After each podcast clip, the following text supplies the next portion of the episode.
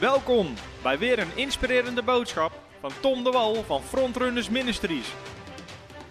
We bidden dat je via deze aflevering geïnspireerd wordt in je leven met God en opgebouwd wordt in je geloof. Terwijl we staan, laten we meteen bidden en vragen voor God om zijn Heilige Geest. Geest van wijsheid en openbaring. Dank u, Vader, voor vanavond dat we bij elkaar mogen komen, dat we bij elkaar kunnen komen, Heer, om uw woord open te slaan over het thema genezing. Heer, we vragen u om ons een geest, uw Heilige Geest van wijsheid en openbaring te geven. Heer, in het kennen van u. Heer, dat de ogen van ons hart, Heer, verlicht worden. Dat we zullen zien, Heer. Heer, hoe groot, hoe groot de kracht is die werkzaam is in ons die geloven. Hoe groot de erfenis is die voor ons klaar heeft liggen, Heer. Heer, wat de hoop van uw roeping is, Heer. Heer, we willen alle schatten ontdekken die u ons heeft gegeven. En dank u dat u zegt in uw woord dat uw geest ons zal leiden in de gehele waarheid. En dat uw geest in herinnering zal brengen wat u heeft gezegd. En dat u zegt in uw woord dat u bent degene die, onze, die het verstand verlicht, Heer, bij het openen van uw woord. Dus daar vragen we u om. En we geloven dat we het ontvangen. Op dit moment, in de naam van de Heere Jezus Christus. Amen, amen. Halleluja. God is goed, amen. Prijs de Heer. Daar zijn we weer met de Faith. Vorige keer hebben we het gehad over geloof voor financiën, over zaaien en oogsten. En ook iedereen die online kijkt, via YouTube, via Facebook. Ik zag wel heel veel mensen reageren. Van harte welkom. Mensen die op een hotelkamer zitten en zeggen: Ik kan toch nergens naartoe. Maar heerlijk dat er dan lange avonden onderwijs zijn. Halleluja. Nou, als je je echt verveelt, hebben we 500 video's op YouTube staan. Dus al zit je nog een jaar in dat hotel, we helpen je er wel doorheen. En, uh, maar ook iedereen die online kijkt, iedereen die fysiek is, van harte welkom. Um, volgende week hebben we een uh, mooi gastkoppel. We hebben het namelijk volgende week over geloof voor je huwelijk. En uh, ik heb de afgelopen tijd ontzettend veel gesproken. Uh, alleen vorige week al elf keer. En volgende week ben ik even lekker een weekje met wat vrienden in Frankrijk vissen. Bidden voor grote meerval. Die heb ik nog nooit gevangen, maar ze zitten daar, dus die moet ik daar uh, eruit gaan trekken. Dus ik ben een weekje weg. Maar geloof voor je huwelijk uh, gaan kostbare vrienden van ons doen, Gertjan en Helene de Groot. Dus zij zullen volgende week hier zijn om dat onderwijs te geven. En ook geloof voor je gezin uh, gaat Michiel Koelewijn geven. En ik zal zelf daarna nog een avond spreken, ook misschien samen met Femke, of als het lukt, ook in de context over gezin, kinderen, huwelijk, geloof, dat soort dingen. Maar ik dacht ook het waardevol om mensen te hebben. Ze zitten al wat verderop in het leven, om het zo maar te zeggen. Niet dat ze stokoud zijn, maar mijn kinderen zijn drieënhalf. En um, als het nu met geloof niet lukt, kan je nog hard schreeuwen. Dat is een grapje. maar als ze 17 zijn, lukt dat niet meer. Maar, uh, nee, maar uh, dus Michiel die uh, zal ons komen zegenen met onderwijs. En ook Gertjan en Helene, daar zien we enorm naar uit. Oké, vanavond hebben we het over geloof voor genezing. Geloof voor genezing. Nou, dat is een gigantisch onderwerp waar we heel veel over kunnen zeggen. En ik kan vanavond hooguit de basis behandelen. Maar we hebben er heel veel onderwijs over. We hebben een healing school hebben we online staan. Um, ik heb ook preek online staan, bijvoorbeeld met thema's als wat te doen als genezing uitblijft. Dat soort, uh, hebben we allemaal online staan, dus dat kan je allemaal kijken. En vanavond wil ik aan de ene kant het fundament leggen, maar omdat we wat langer hebben, wil ik ook toch wat dieper op sommige dingen ingaan. En ik geloof echt wel dat het je zal zegenen. En misschien dat we ook nog een keer een school van 100% genezing gaan doen. Dus we hebben nog genoeg wat we kunnen preken. Amen. We zijn nooit klaar met het woord van God. En hoe vaak ik zelf ook over dit, zulke soort thema's spreek, iedere keer weer zegent het me. Als ik de Bijbel opensla en teksten lees die ik al honderd keer heb gelezen. En dan krijg je weer nieuwe openbaring, weer nieuw inzicht van de Heilige Geest. En dat is zo prachtig, want het woord van God is levend en krachtig. Amen. En daarom kan je het nooit vaak genoeg horen of te veel horen. De Bijbel noemt het woord van God een medicijn. En het enige medicijn waar je geen overdosis van kan krijgen. Amen. Halleluja. Ook geen bijwerkingen, in ieder geval geen negatieve.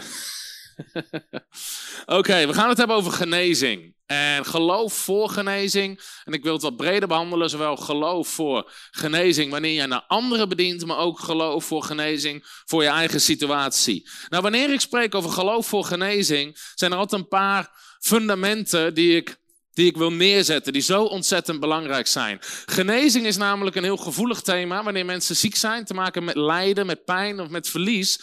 Dat maakt genezing maakt het een heel gevoelig thema. Maar wat we het altijd in acht moeten houden, dat is het eerste fundament. En dat hebben we hier al een keer benadrukt. Maar Gods woord is de waarheid. Gods woord is de waarheid. Dus Iedereen heeft ervaringen, iedereen heeft eigen verhalen, iedereen heeft een verhaal op dat gebied. Maar wat de waarheid is, is het woord van God. En zolang onze ervaringen, zolang ons verhaal niet overeenstemt met de waarheid van het woord van God, is de kunst om niet het woord van God naar beneden te gaan halen en te veranderen, maar ons leven kan veranderen. Amen. Daar hebben we het al uitgebreid over gehad ook op de Faithschool. Maar het is wel goed om dat nogmaals te benaderen. Het woord van God is de waarheid. Wanneer het gaat om het woord van God en, en genezing. En ik denk dat voor veel mensen ook die online kijken, maar ook die hier zitten, er best wel veel nieuwe dingen in zitten. Maar het woord van God leert ons dat God altijd iedereen wil genezen. Dat is het woord van God, wat het woord van God ons leert. Nou, sommige mensen zullen er allerlei vraagtekens bij hebben. Misschien allerlei vragen meteen. Hoe zit het dan met Job en hoe zit het dan met dit? Nou, die dingen wil ik vanavond ook gaan behandelen. Maar het woord van God leert ons dat God wil altijd iedereen genezen. Dat is de waarheid. Dus wanneer je gaat kijken naar teksten over genezing, zie je ook nooit dat er rekening mee wordt gehouden dat het niet gebeurt. Zie je nooit. Jezus zegt, leg handen op zieken en ze zullen genezen. Jezus zegt niet, en kijk maar wat er gebeurt.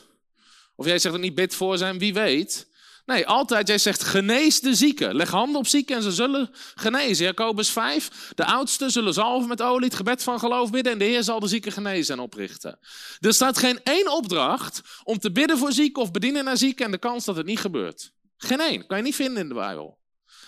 Dus, genezing is altijd de wil van God. Daar ga ik straks wel wat meer over zeggen. Maar dat is de waarheid. Het woord van God is de waarheid. En nu, als ik ook kijk naar mijn eigen leven, ik ben inmiddels al heel wat jaren bezig met het thema genezing. En heel fanatiek. En ik heb het voorrecht dat we natuurlijk een bediening hebben op dat gebied. Dus je kan heel vaak voor mensen bidden. Je, kan, je spreekt er heel vaak over. Dus je doet heel veel ervaring op.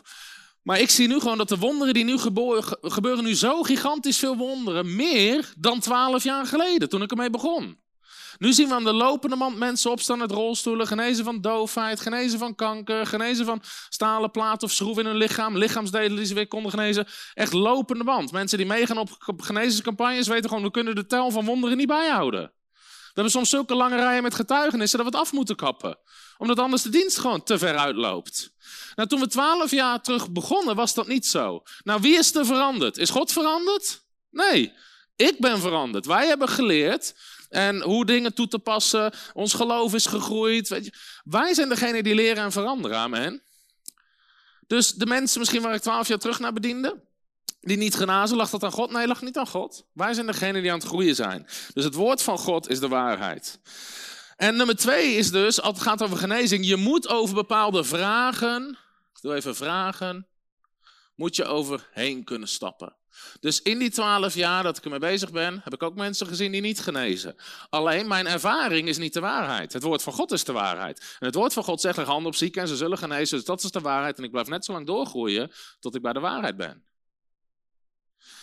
Dus heb ik bepaalde vragen gehad over situaties? Jazeker. Maar ik heb iedere keer de keuze gemaakt om daar overheen te stappen en door te gaan en God te gehoorzamen. 100% gehoorzaamheid is nog belangrijker dan 100% resultaat. Want we blijven doorgaan. Want het is een opdracht van Jezus Christus, de Zoon van God zelf. Leg handen op zieken en ze zullen genezen. Genees de zieken. Ga naar de stad, genees de zieken. Uh, vertel het evangelie. Dus het is een opdracht van Jezus zelf. En ja, je zal bepaalde vragen hebben. En nu ook. Dingen waar ik toen vragen over had. Nu ik twaalf jaar verder ben, denk ik, oh wacht. Dat had ik toen anders kunnen doen. Of toen was, soms krijg je achteraf inzichten niet. Wie heeft dat geleerd in zijn leven? Dat geldt voor alles. Amen. We zijn aan het groeien, we zijn aan het leren. Dus je moet met dat soort dingen om leren gaan. En nummer drie, wanneer het gaat om goddelijke genezing. Ik doe even het woordje prijs, maar je moet er een prijs voor betalen. En dat klinkt heel zwaar, maar de kracht van God, geloof, al die dingen komen niet makkelijk of goedkoop op je leven. Er is een bepaalde prijs. Jij zegt ook wie mijn discipel wil zijn, moet zijn kruis dagelijks opnemen en mij volgen. Die moet sterven aan zichzelf. Dat is nog eens een goede titel voor een preek. Jij moet dood. Je moet sterven aan jezelf. Waarom? Hoeveel hier verlangen naar bovennatuurlijke bediening?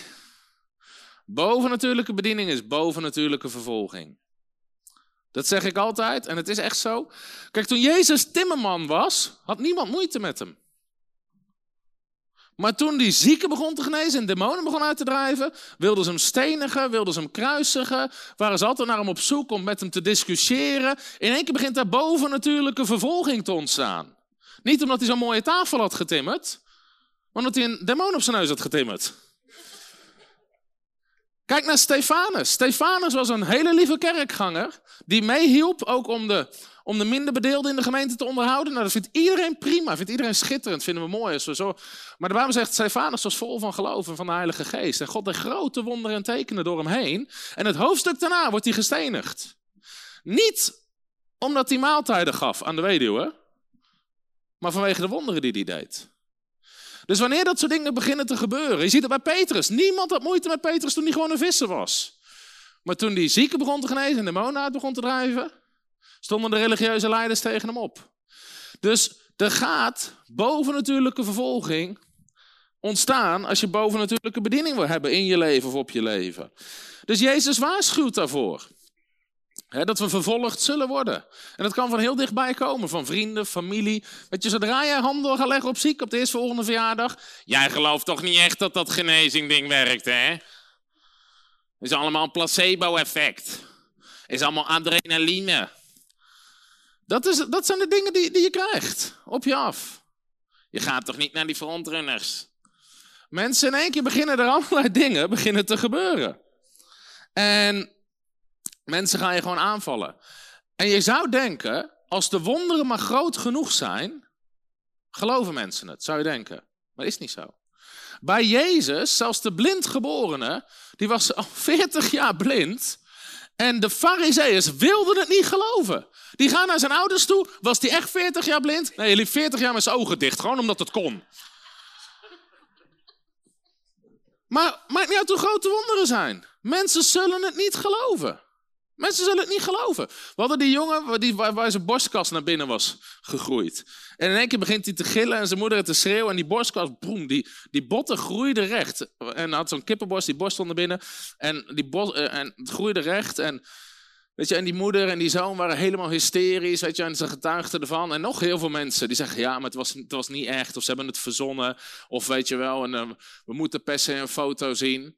En het ding is, als die jongen het zegt, die moeder zegt het, weet je, mensen geloven het nog steeds niet. En uiteindelijk is wel grappig, dat wonder, dat is nog het grootste wonder van dat wonder. De EO heeft er een artikel over geschreven en was positief. Dat is een wonder. maar goed, grotere werken. Halleluja. Maar laatst hadden we bijvoorbeeld een, een, eh, een man die um, zijn voeten zouden geamputeerd worden. En zijn voeten zagen er al niet heel best uit, om het zo maar te zeggen. En hij kwam naar de dienst in Amsterdam. De kracht van God raakte hem aan. We zalfden met olie. Hij kon zijn voeten weer bewegen. Hij rende door de zaal. En hij was hier zaterdag nog. En dan zei ik, ben helemaal genezen. Halleluja. We hadden dat videootje hadden we erop gezet. En uiteindelijk hadden we hem, volgens mij hebben we hem offline gehaald of de reacties uit. Binnen 24 uur 1100 geschreven reacties. Maar de meeste niet positief. Jomanda, oplichterij, tot en met doodsbedreigingen aan toe. Die we regelmatig krijgen. Kan iemand die gast omleggen? Ik kom je tussen zes planken leggen. Dat soort dingen krijgen we gewoon. Constant binnen. En zeker als het viral gaat onder atheïsten. Maar het mooiste is, als ze ziek zijn, zitten ze in de zaal. En uiteindelijk geven ze een leven aan Jezus. Halleluja. Halleluja. Er is een artikel van de EO die niet geloofde dat de wonderen die bij Tibi Joshua gebeurden echt waren. Dus ze dachten dat het allemaal acteurs waren. Nou, die krijgen wij ook heel vaak, dat we allemaal acteurs inhuren om op die genezingsdienst. Ik heb betere dingen te doen dan acteurs in te huren en op een, zaterdagavond in een zaal vol acteurs te staan. Maar goed, dus die gingen erheen met een team van mensen naar Nigeria. En ze komen eraan en ze dachten dat het acteurs waren.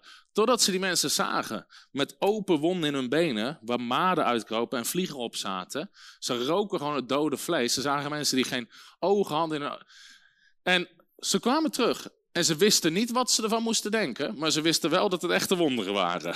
Ze konden nog steeds niet toegeven, God is daar machtig aan het werk. Maar ze zien gewoon, mensen willen soms niet geloven. Mensen willen soms niet geloven. Hoe groot de wonderen ook zijn. Dus daar hoef je niet over te verbazen. Oké, dus dat zijn even drie dingen die je gewoon moet bedenken um, als het hierom gaat. Dus ook heel veel kritiek, heel veel dingen ga je mee te maken krijgen als je uitspreekt op het gebied van genezing. Nou, ik wil vanavond gebruiken om je te laten zien dat genezing 100% de wil van God is. Dat het altijd Gods wil is. En we gaan behoorlijk diep het woord van God in. Maar je moet ten eerste moet je gewoon weten dat genezing. Ik doe deze eventjes uit. Vegen. Genezing en geloof zitten altijd gekoppeld. Genezing en geloof. En dat is logisch, want we zitten in de faith school en we hebben geleerd dat God werkt met geloof. Zonder geloof is het onmogelijk om God te behagen, Hebreeën 11 vers 6. Want wie tot God komt, moet geloven. En geloven dat hij een beloner is van wie hem zoeken. Wie tot God komt, moet geloven. God werkt met geloof. Niet met nood, niet met hoop, niet met goede werken. Hoor je ook vaak of genezing? Ja, waarom geneest die persoon niet? Die is al 30 jaar oudste geweest. Waarom geneest die niet? Die heeft het zo hard nodig. Maar wat we aanbieden zijn nood of goede werken. Maar dat is niet waar God mee werkt. God werkt met geloof. Dus genezing en geloof zit altijd gekoppeld. Daarom zei Jezus tegen de bloedvloeiende vrouw: Dochter, jouw geloof heeft je genezen. In Marcus 5, vers 34. Jezus zei tegen de blinde: Het geschieden naar je geloof. De vader van de maanzieke jongen zei: Heer, als u iets kan doen. Jij zegt: Als u kan geloven, alle dingen zijn mogelijk voor wie gelooft.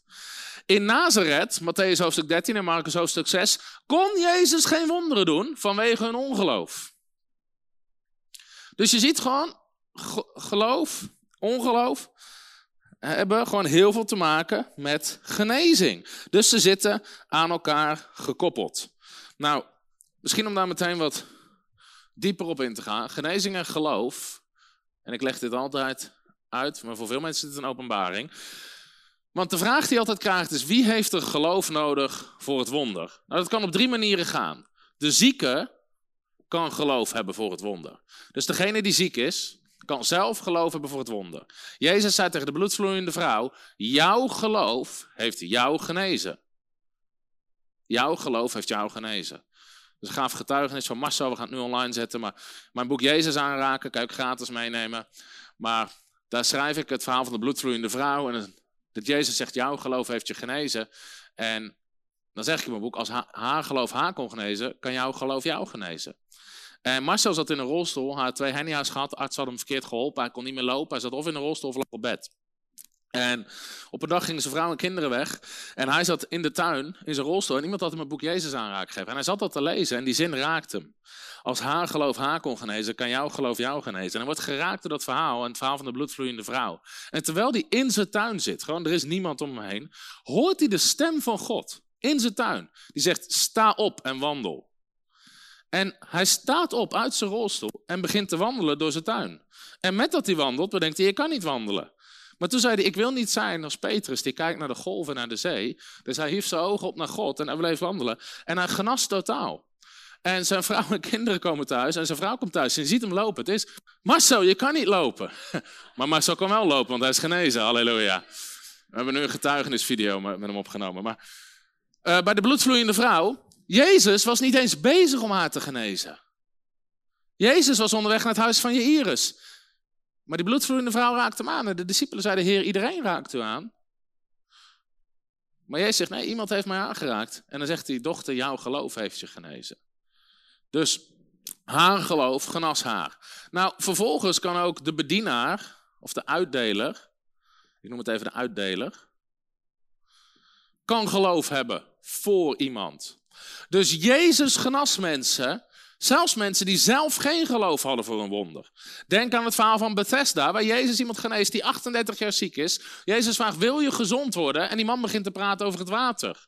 Ja, Heer, ik heb niemand om in het water te gooien. En jij zegt, pak je mat op en wandel. En de man geneest. En de fariseeërs vragen, wie heeft u genezen? En de Bijbel zegt, die man wist het niet. Dus je kan geen geloven als je niet eens weet wie het was. Amen. Dus Jezus genas met zijn geloof. Malchus, weet je, die gast die Petrus probeerde ze hoofd af te hakken. Malchus deed hup, daar ging zijn oor. Ken je? Nou, Jezus geneest hem. Jezus zet zijn oor terug. Ik zeg altijd, als ik Jezus was geweest, had ik zijn oor terugzet op zijn voorhoofd. Gewoon zo, om hem iets te leren. Wat zit je oor, oor Lang verhaal, lang verhaal. Maar goed, ik geloof niet dat Malchus geloof had voor zijn wonder. Jezus had geloof voor hem. En dan kunnen omstanders geloof hebben voor een wonder. Dus denk aan uh, ja, ja, Iris voor zijn dochtertje. Ja, Iris voor zijn dochtertje. Of de, uh, die man met die maanzieke zoon. Jij zegt als jij kan geloven. Of de vrouw in Matthäus 15, de Canaanese vrouw. Waar zij komt voor haar dochtertje. En jij zegt, vrouw, groot is je geloof. Het zal gebeuren zoals jij wil. De vier vrienden die hun vriend door het dak lieten zakken. Dan zegt de Bijbel toen Jezus hun geloof zag. Hij zag niet het geloof van een verlamde man, hij zag het geloof van die vier vrienden. Je hebt best veel geloof nodig om iemand die verlamd is door het dak te laten zakken. Überhaupt geloof hem niet laat vallen. Maar, dus zij, die omstanders hadden geloof. Nou, om hier nog iets dieper op in te gaan. Um, wanneer heeft wie geloof nodig, om het zo maar te zeggen? En dit is interessant, dit is iets wat veel mensen missen. Wanneer, ik zet hier even Jezus of de uitdeler boven. Wanneer de zieke zelf naar Jezus toe ging, vroeg Jezus altijd geloof van de zieke. Dus wanneer mensen Jezus benaderden, vroeg Jezus hun om geloof. Geloof je dat ik het kan doen? Als jij kan geloven, het geschieden na je geloof. Jezus legt de geloofsverantwoordelijkheid neer bij de zieke wanneer de zieke hem benadert. Wanneer Jezus zelf um, het initiatief neemt om naar de zieke toe te gaan. Dus Jezus zelf stapt op de zieke af, vraagt Jezus nooit de zieke om geloof. Geen één keer. Dus wanneer Jezus het initiatief neemt, dus eigenlijk zou je zo kunnen zeggen, de initiatiefnemer is verantwoordelijk voor het geloof. Nou, dit is nog interessanter als we nog iets dieper op ingaan. Jezus heeft maar in een paar gevallen zelf initiatief genomen. Uh, bij de kromgebogen vrouw, met de man met de verschrompelde hand. En bijna al die verhalen was op de Sabbat. Bij de man bij Bethesda. En dan neemt Jezus zelf de verantwoordelijkheid om geloof te hebben. En hij deed dat ook als een teken voor de religieuze mensen. Die geloofden dat je niks mocht doen op de Sabbat. En, en zelfs dat je... Uh, ze wilden Jezus daar zelfs om stenigen. Gaan we nog meteen een stukje dieper. We zitten toch lekker in het woord. Amen. Soms zeggen mensen, ja, maar Jezus geneest niet altijd iedereen. Kijk naar Bethesda, er waren heel veel zieken, maar Jezus genaste maar eentje. Dus God wil niet altijd iedereen genezen. Wie heeft dat wel eens gehoord? Maar wat is er aan de hand bij Bethesda? Het was op de Sabbat. Dus Jezus geneest maar één iemand. En er zijn zeven verhalen waarbij Jezus één iemand geneest. En uh, in zes van de zeven gevallen, behalve bij morgens, bij zes van de zeven gevallen is het altijd op de Sabbat. En altijd willen de religieuze leiders hem daarna doden. Behalve bij de schoonmoeder van Petrus, was ook op de Sabbat, want dat was achter gesloten deuren, dus had niemand door. En dat is trouwens een hele sterke tekst om te geloven dat God iedereen wil genezen. Hij geneest zelfs schoonmoeders. Halleluja. Hoeveel, hoeveel heb je nog meer nodig?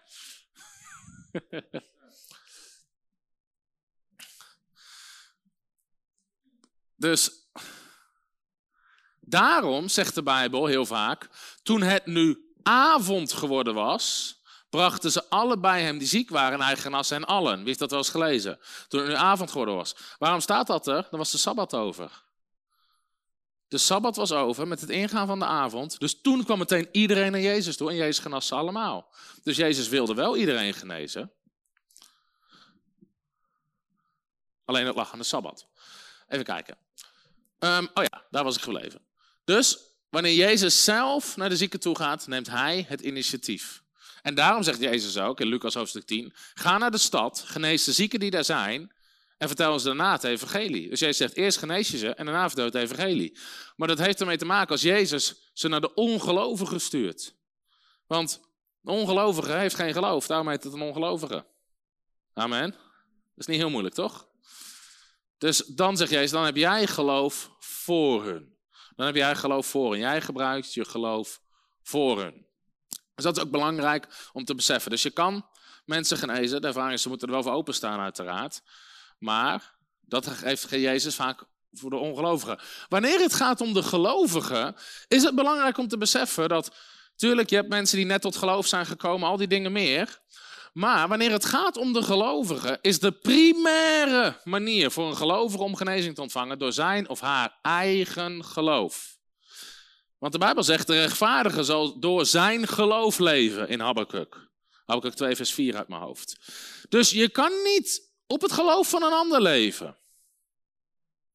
Amen. Genezing, ga ik je later laten zien, is onderdeel van jouw erfenis. Dus het is jouw deel, dus jij mag jouw geloof gebruiken om het van God te ontvangen. Amen. En dat zorgt voor sterke, stabiele christenen die niet altijd afhankelijk zijn van anderen. Wat dus helemaal niet verkeerd hoeft te zijn. Maar uiteindelijk moet je leren wandelen door je eigen geloof. Een getuigenis van Dodie Osteen. Haar man, John Osteen, was een bekende prediker op het gebied van genezing in Amerika. Op een gegeven moment, Dodie Osteen werd ziek. En toen ze erachter kwamen dat ze ziek was, had uitgezaaide kanker, had ze nog maar twee of drie weken te leven, hooguit, toen ze in het ziekenhuis kwamen. Nou, de artsen konden chemotherapie doen en kon ze hooguit verlengen met twee of drie weken. Dus binnen zes weken zou ze sterven. Dus omdat ze toch niks meer konden doen voor haar, de artsen, zeiden ze, nou weet je, we, we gaan het ook niet laten behandelen. En omdat haar man een bekende genezingsprediker was, alle grote genezingsbedieningen uit Amerika, die belden op, die kwamen langs om voor haar te bidden. Mensen zoals een Theo Osborne, een Oral Roberts, gewoon pioniers in de hele genezingsbeweging. Kenneth Hagen, mannen en vrouwen van God kwamen langs en baden voor haar. En God sprak tot haar in de nacht. En God zei, het zal niet het geloof zijn van een Oral Roberts of een T.L. Osborne wat je zal genezen. Jouw geloof zal je genezen. En toen besefte ze, ik ben al zo lang wedergeboren christen, ik ken deze principes, mijn man onderwijst ze. Ik kan niet varen op het geloof van een ander. En ze is zelf radicaal in geloof gaan staan. Ik vertel het hele verhaal in mijn boek Jezus aanraken. En vandaag de dag leeft ze nog steeds. En dit is, denk 40, meer dan 40 jaar geleden dat ze die diagnose kreeg. En ze is helemaal genezen, ook helemaal kankervrij verklaard. Um, maar ze beseft, het zal mijn geloof zijn. Dus um, zij ging in geloof staan. Dus wanneer mensen dat initiatief nemen, en dat is vaak, hè, daar missen mensen het vaak. Mensen zeggen van, ja, ik ga naar Jan Zelstra toe, want hij heeft geloof voor mijn wonden. Maar als jij naar hem toe gaat, is het eigenlijk jouw verantwoordelijkheid om geloof te hebben. Dat is de lijn die Jezus aanhaalt. Dus dat zijn gewoon belangrijke principes als we iets dieper ingaan op het woord van God. Oké, wie heeft hier al iets van geleerd? Ja? Geloof en genezing. Nou, daarom is het belangrijk om, die, om goed het woord van God te kennen en ook de patronen te zien. Dus soms is het goed om niet één verhaal te bestuderen, maar even uit te zoomen en verhalen op een rij te zetten. En dan zie je, oh wacht, overal waar Jezus één iemand in geneest, daar zit een bepaald patroon in. Dat heeft een reden. Maar dat zie je alleen als je ze alle zeven naast elkaar zet en niet als je alleen dat verhaal leest. Dus daarom is het goed soms ook juist even uit te zoomen en naar de grote lijnen te kijken die je ziet in het woord van God. Nou, genezing en geloof. We hebben al gezegd, geloof begint waar de wil van God bekend is. Als je niet weet wat de wil van God is, kan je onmogelijk geloof hebben. Dat geldt niet alleen voor genezing, dat geldt voor alles. Als je niet weet dat God jou wil redden, heb je onmogelijk geloof voor je redding. Dat geldt voor elk gebied. Dus de wil van God is ontzettend belangrijk.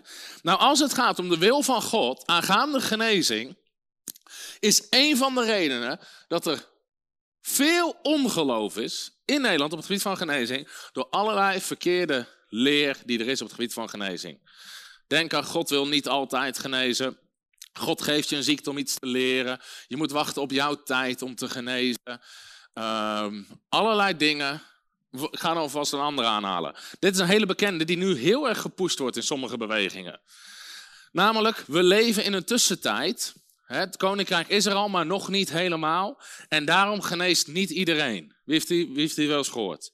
Nou, er zijn hele boeken die erover geschreven worden. Hele conferenties worden rondom dat thema gebouwd. Over de tussentijd en het koninkrijk is er al wel, maar nog niet helemaal. Dus daarom geneest niet iedereen. Nou, wat is het linker daaraan? Is dat wat ze zeggen klopt. We leven in die zin tussen een tussentijd, tussen nu en de wederkomst.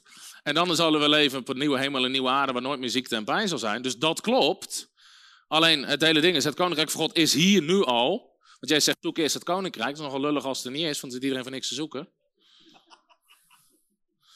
Jezus zegt ook, zeg niet zie hier of zie daar, want het koninkrijk van God zit binnenin u. En jij zegt, je bent overgezet van het koninkrijk naar de duizenden, van de duisternis naar het koninkrijk van het licht. Kleine kinderen, het heeft de vader behaagd om u het koninkrijk te geven. En Petrus zegt, u zal in rijke mate toegang geschonken worden tot het koninkrijk van God. In andere woorden, dat is er nu al en later is er ook, want het is een eeuwig koninkrijk. Amen.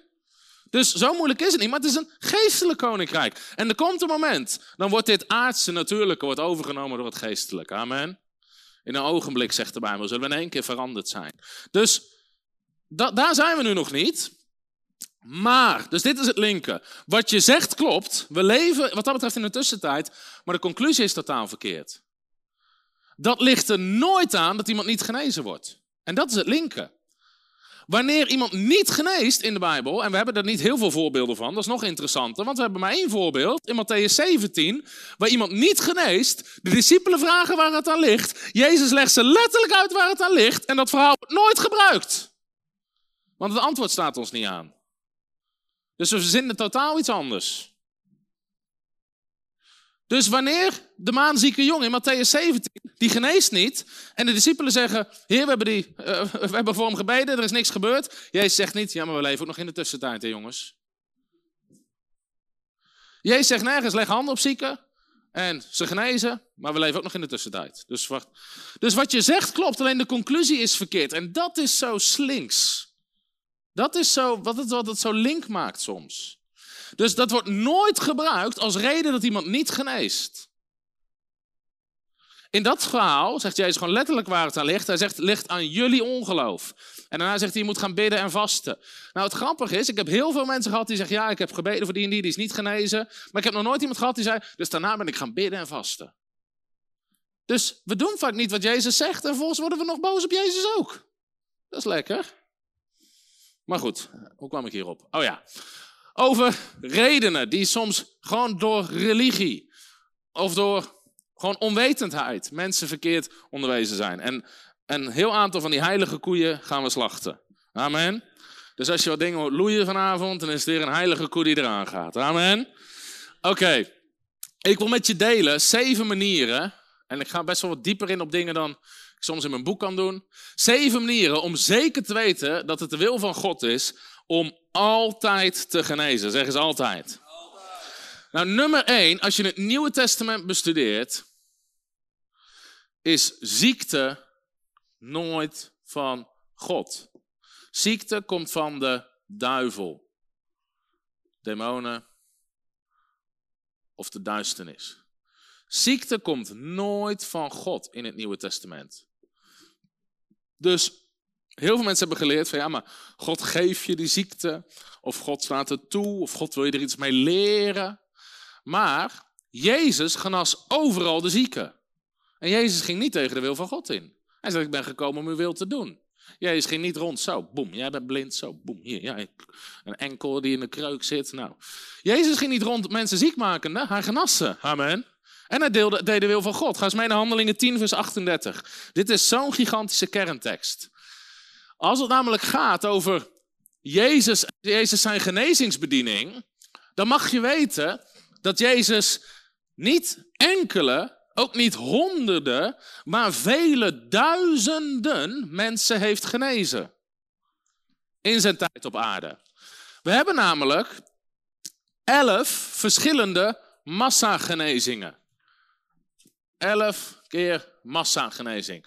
Wat bedoel ik met de massagenezing? Dat de Bijbel zegt, er kwam een hele menigte bij hem en hij genas hen allen. Dat zijn massagenezingen. Dus er kwamen hele menigtes, zeg eens menigtes. Nou, soms zegt de Bijbel, een hele streek liep uit. En dan noemt het allemaal gebieden op. En ze werden allemaal genezen. Nou, dat soort menigtes, hoe groot waren die? Een voorbeeld van zo'n menigte is de voedselvermenigvuldiging. In Johannes 5. Want de Bijbel zegt, zij waren daar vanwege de tekenen die hij aan de zieken deed. Dus die mensen waren daar voor genezing. Nou, daar weten we dat het 5000 alleen de mannen waren. Met vrouwen en kinderen gaat het dus misschien over 20, 25.000 mensen. En van dat soort menigtes, zegt de Bijbel, Jezus genas ze alle. En er zijn elf verschillende massagenezingen opgetekend. En Johannes zegt, hij heeft nog veel meer gedaan, maar we hebben niet boeken genoeg. Ze hadden toen nog geen iPads. Maar goed, misschien is het ook maar beter. Sommigen hebben nu al moeite om door de Bijbel heen te komen. Dus.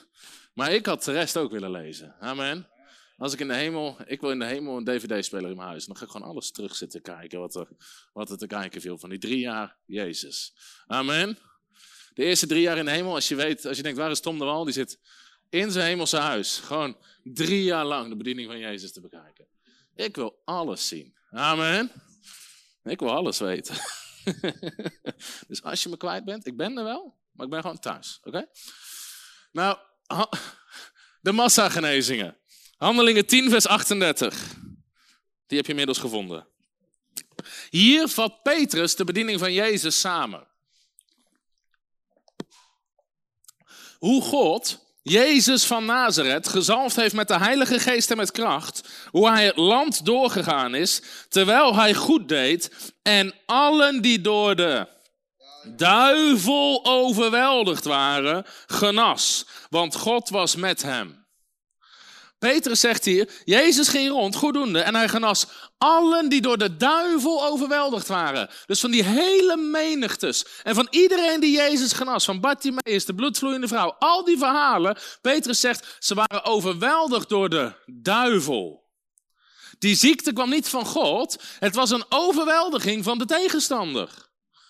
En dat is wat het woord Satan letterlijk betekent. Hij is de tegenstander. Hij is tegen mensen. God maakte de mens in Genesis 1. God zegende hen. God zei, wees vruchtbaar, word talrijk. God zei niet, wees ziek. God zegende ze. God maakte het zeer goed. Maar de duivel, zegt de bij Johannes 8, vers 44, is een mensenmoordenaar vanaf het begin. De duivel is erop uit om mensen te doden. Jezus zegt in Johannes 10, vers 10: De dief komt alleen maar om te roven, te stelen en te vernietigen. Maar ik ben gekomen om leven te geven en dat in overvloed. Het is niet moeilijk om te weten wat van God komt en wat van de duivel komt. De dief komt alleen maar om te roven, te stelen en te vernietigen. Wanneer er geroofd wordt, gestolen wordt of vernietigd wordt, heeft het niks met Jezus te maken. Dat is het werk van de dief. Maar Jezus is gekomen om leven te geven en dat in overvloed. Leven in overvloed is van Jezus. En toch zijn mensen op dit gebied totaal verknipt in hun beeld met God. Dus wanneer we genezingsdiensten doen en mensen genezen, dan zetten de christenen onder. Het werk van de duivel. En diezelfde christenen zeggen, uh, nee, God heeft me deze ziekte gegeven. Die denken dat ergens, halverwege de geschiedenis, God en de duivel thee zaten te drinken. En zeiden, zullen we nu rollen verwisselen? Zal ik ze vanaf nu ziek maken dat jij ze geneest? Ja, is goed plan, goed plan. Hoe haal je het in je hoofd? Door de hele Bijbel heen zie je, de duivel maakt ze ziek, God geneest ze. En christenen zeggen het tegenovergestelde nu. God maakt ze ziek en de duivel geneest ze. Dat is wat religie doet. En zelfs bij Jezus zeiden ze dat al. Hij drijft demonen uit door Beelzebul. Maar Jezus zei, een koninkrijk wat tegen zichzelf verdeeld is, kan geen stand houden. Nou, John G. Lake had een gigantische genezingsbediening en deze tekst, die handelingen 10 vers 38, gaf een doorbraak bij hem. Hij had ontzettend veel ziekte en ellende meegemaakt. Zijn dochter, zijn vrouw, allerlei mensen ook, ook in zijn familie waar hij zelf opgroeide. En hem was altijd geleerd dat, ja, weet je, de wegen van God zijn hoger, Gods wegen zijn ondergrondelijk, al die dingen meer. En op een dag ligt zijn eigen vrouw op sterven. En de dominee komt langs om een soort laatste afscheidsgebed te doen. En de dominee zegt, ja, de wegen van de Heer zijn ondergrondelijk. En John G. Lake denkt van, als dit God is, hoef ik niks met hem te maken te hebben. En die pakt zijn Bijbel en die gooit zijn Bijbel zo hard die kan tegen de muur. Boom. En die valt op de grond. En hij pakt hem nog een keer om weer te gooien. En zijn oog valt op Handelingen 10, vers 38. Alle die door de duivel overweldigd waren, genas Jezus. En op dat moment beseft John G. Lake dat mijn vrouw hier sterft, heeft niks met God te maken, maar het is het werk van de duivel. En hij bestraft de duivel, hij bidt in de naam van de Heer Jezus Christus en zijn vrouw geneest. En dat is het begin geweest van zijn genezingsbediening. Maar hij had een rothekel, een gruwelijke rothekel aan de duivel en het werk van de duivel. En dat zie je terug in al zijn, al zijn onderwijs. Maar het begon met die openbaring. Dat ziekte niet van God komt, maar het werk van de duivel. Dus wanneer je te maken hebt met ziekte, of wanneer je wordt aangevallen in je eigen leven, of wanneer je het ziet in het leven van een ander, je moet dus ook niet lief bidden voor mensen. Vader God, we brengen deze persoon bij u. Je neemt autoriteit over de duivel. En ook in je eigen lichaam. Weet je, Hans altijd je moet met een beetje porrie moet je spreken, zei hij altijd. Ik heb begrepen van de Suriname dat een porrie niet iets heel positiefs is in Suriname. Dus sorry voor alle Surinamers die zitten te kijken. Maar... Want soms mensen zitten ook van, vader, wilt u deze ziekte van me afnemen? God heeft hem je niet gegeven. De Bijbel zegt, jij moet spreken tegen de berg. Jij hebt autoriteit in de naam van de Heer Jezus Christus. Er wordt een soort heilige woede in je op te staan. Dat hij überhaupt het gore lef heeft om jouw lichaam, wat een tempel is van de Heilige Geest, aan te vallen met ziekte. Amen. Er moet iets gebeuren in je. In Lucas hoofdstuk 13, daar zien we de kromgebogen vrouw. En Lucas 13, vers 11 mag je even opzoeken. Nou, wij zouden allerlei natuurlijke, hè, wanneer iemand kromgebogen is, zouden we allerlei natuurlijke symptomen en allerlei natuurlijke namen. We zouden zeggen, nou, als iemand heeft scoliosis, of iemand heeft reuma, of zo iemand heeft, weet je wel, wij, wij geven alles een label en een naam. Maar Jezus ziet die vrouw, Lucas 13, vers 11. En Jezus zegt iets heel anders. En dan zegt de Bijbel, en zie, er was een vrouw die 18 jaar lang een geest had die haar ziek maakte. En ze was kromgebogen en kon zich in het geheel niet oprichten. En vers 16, dan zegt Jezus, en moest deze vrouw, die een dochter van Abraham is, die de Satan, zie nu 18 jaar lang gebonden had. Zie je, het was het werk van de Satan, van de tegenstander. Dus Jezus zet ook ziekte altijd in hetzelfde rijtje als demonen. Sommige ziektes worden letterlijk veroorzaakt door demonen, maar het is nooit het werk van God, het is het werk van de duivel.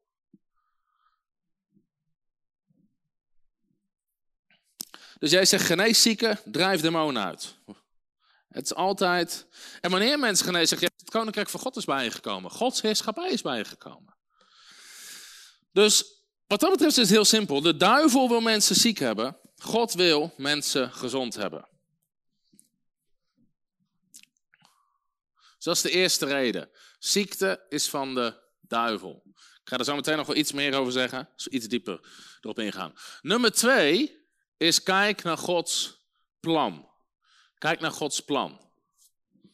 Als je kijkt naar Gods oorspronkelijke plan, dus hoe God het oorspronkelijk bedoeld heeft, dan zie je al dat God de mens nooit heeft bedoeld of heeft gemaakt om ziek te zijn. Want in Genesis 1, 2 en 3, God maakte de mens, het was zeer goed. En ze waren gezond.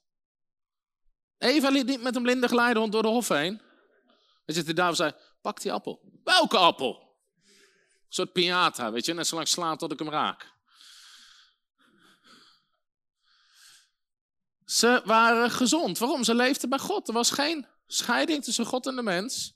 En bij God was totale gezondheid.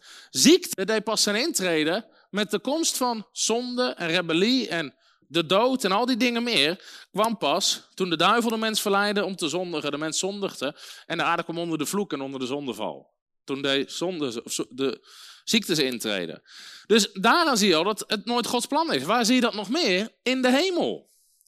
De Bijbel zegt in de hemel nooit met tranen, nooit met pijn, al die dingen meer. Dus iedere christen gelooft dat ze later in de hemel genezen zijn. Toch? Dus iedere christen gelooft dat ziekte niet het plan van God is. Want zegt het, ja, later in de hemel. Daar zullen we gezond zijn. Ja, daar zullen we inderdaad gezond zijn. Dus dat toont al aan dat dat niet het plan van God is. Dus waar Gods volmaakte wil wordt uitgevoerd, daar is geen ziekte. En Jezus zei, zoals het in de hemel is, zo op aarde. Dat is waar Jezus voor bad. Dus dat is belangrijk om te beseffen. Als je kijkt naar Gods volmaakte plan. Nou, er zit dus ook geen ziekte in Gods plan voor jouw leven. Ga ik nog een keer zeggen. Er zit geen ziekte in Gods plan voor jouw leven. De Bijbel zegt in Jeremia 29 vers 11, ik ken de gedachten die ik over u heb, om je een hoopvolle toekomst te geven. De Engelse staat zegt, I have plans to prosper you. Ik heb plannen om je voorspoedig te maken, dat het goed gaat met je. Dat is Jeremia 29 vers 11. Dus God heeft geen plan God zegt niet, nou dan in die fase wordt hij ziek en dan... Nee, dat zit niet in het plan van God. Ziekte kan je aanvallen in je lichaam. De duivel probeert te roven wat God op je leven heeft gelegd. De duivel is een tegenstander. Maar ziekte is niet in plan van God. Nummer drie. Kijk naar het karakter van God. Kijk naar het karakter van God. En ook hier moeten mensen hun denken in vernieuwen. Want God is zo ontzettend goed. God is zo overweldigend goed. Weet je, je kan eigenlijk niet eens te veel over God opscheppen. Amen. God is zo goed. Soms zeg maar jij zegt wel dat God goed is. Ja, maar zo goed. Weet je, ik kom echt niet later in de hemel dat God tegen me zegt, ja Tom, ik was wel goed, maar zo goed als jij zei. Nee. Man, God is zo ontzettend goed. De ogen van God zijn pure liefde. Pure liefde voor de mensen. God is liefde. God is liefde, zegt de Bijbel. Dat gelooft iedere christen. God is liefde. Een God die zelf liefde is. heeft toch geen ziekte zitten in, in zijn plan voor mensen? Dus Jezus zegt ook in Matthäus 7, vers 11. Als u die slecht bent, uw kinderen al goede gaven geeft, hoeveel te meer uw vader die in de hemel is? Dus vergeleken met hoe goed God is, zijn wij allemaal heel erg slecht. Amen. Zo goed is God. Dat de meest lieve, meest nederige, meest zachte persoon is nog slecht vergeleken met hoe goed God is. Hij is beter dan iedere natuurlijke vader. Nou, er is al geen één natuurlijke vader die graag ziet dat zijn kinderen ziek zijn. Weet je, ouders doen alles voor hun kinderen om ze gezond te maken. Zodra je überhaupt, niet eens je eigen kinderen, zodra je een ziek kind ziet, breekt je hart. Iedereen vindt, oh dit hoort niet, er zou een kind niet onder moeten zitten. Het breekt je hart. Nou, het breekt Gods hart ook. Breekt Gods hart ook. Daarom is bizar dat sommige mensen zeggen, ja, weet je, God, leer, God geeft je soms ziekte om iets te leren. Als ik dat zou doen met mijn kinderen, weet je, ja, Matthew bleef vanavond niet goed zitten bij het eten. Weet je wat, hier hebben we nog een griepspuit, huppakee. Drie dagen plat, zo, daar leert hij van. Als ik dat zou doen, zouden ze me opsluiten. In de GGZ zit je in zo'n witte band de hele dag.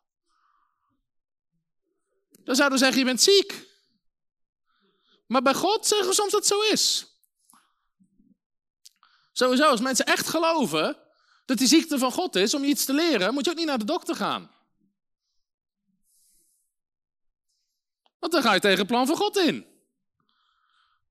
Dus dat is soms meest bizar. Mensen zitten in allerlei behandelingen en allerlei dingen. Ja, God wil me iets leren. Zou ik meteen stoppen met die behandeling?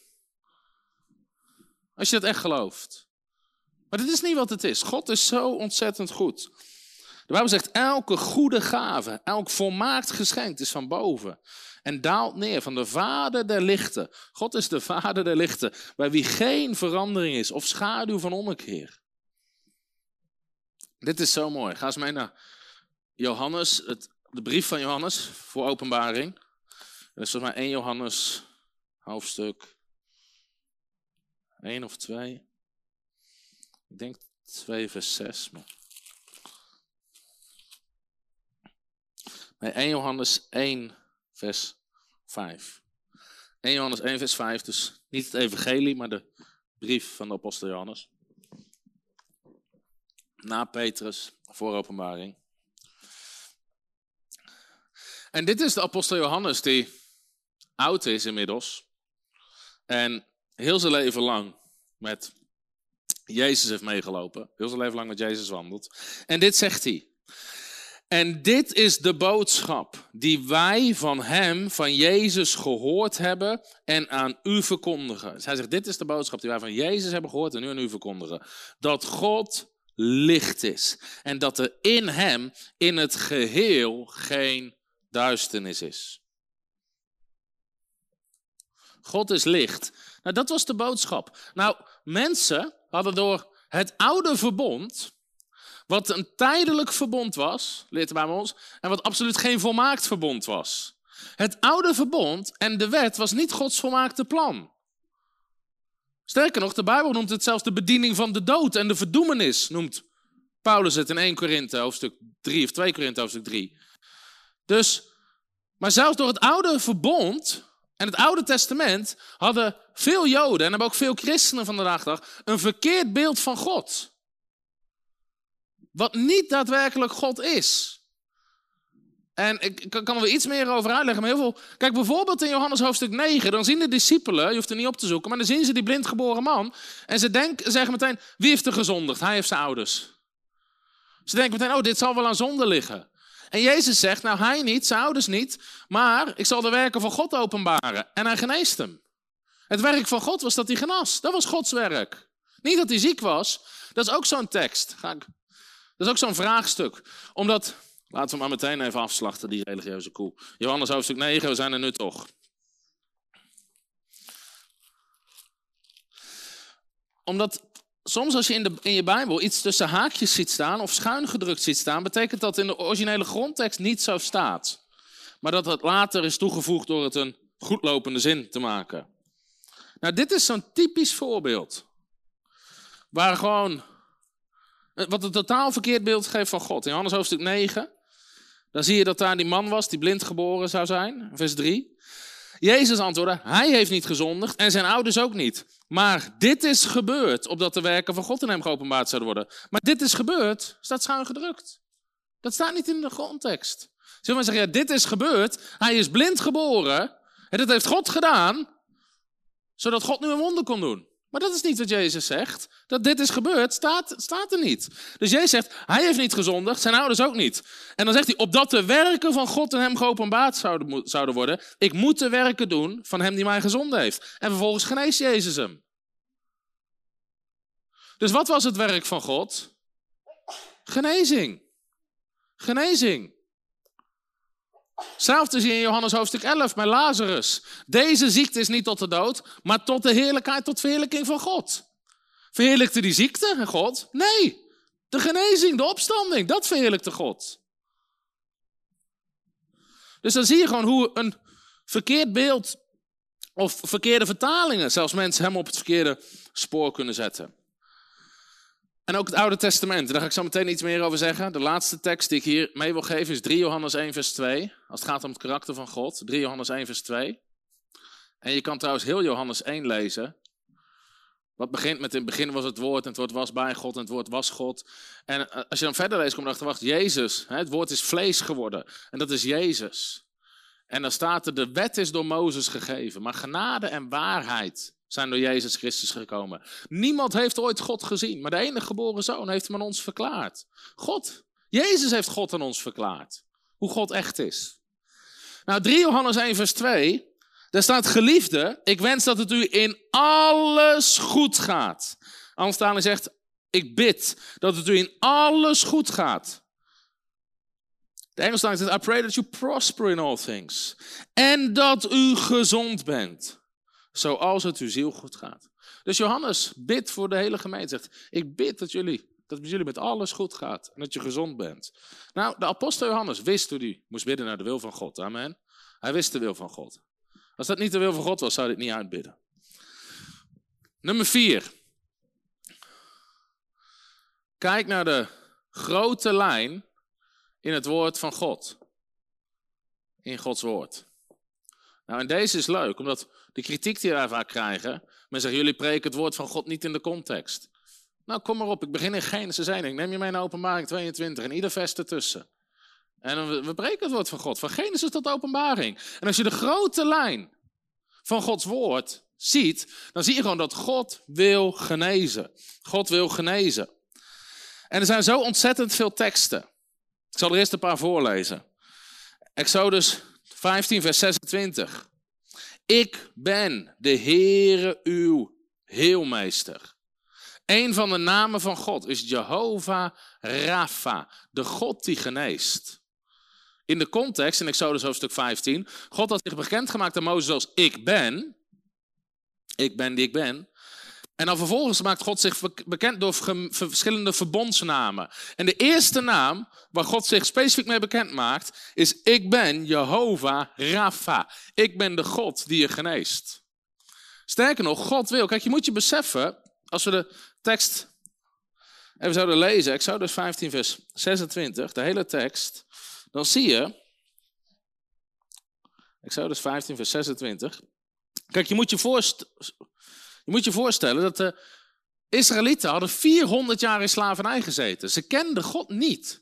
Ze wisten, tuurlijk, ze wisten misschien de verhalen van hun voorouders. Maar als Mozes zegt, Mozes zegt, moet ik überhaupt zeggen dat mij stuurt? En God zegt, ik ben. En dan, God komt met oordeel in Egypte, met plagen en al die dingen meer. Maar dat is niet Gods wil. Dat is niet wie God wil zijn voor zijn volk. Dus in Exodus 15, vers 26 in de woestijn, dan zegt God dit.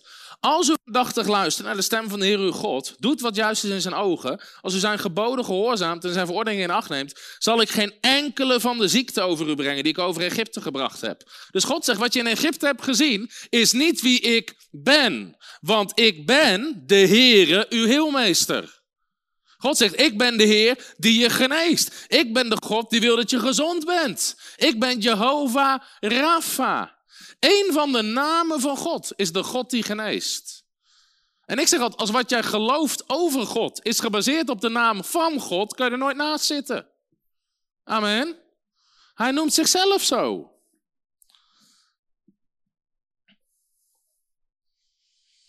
Exodus 23, vers 25, een paar hoofdstukken verder.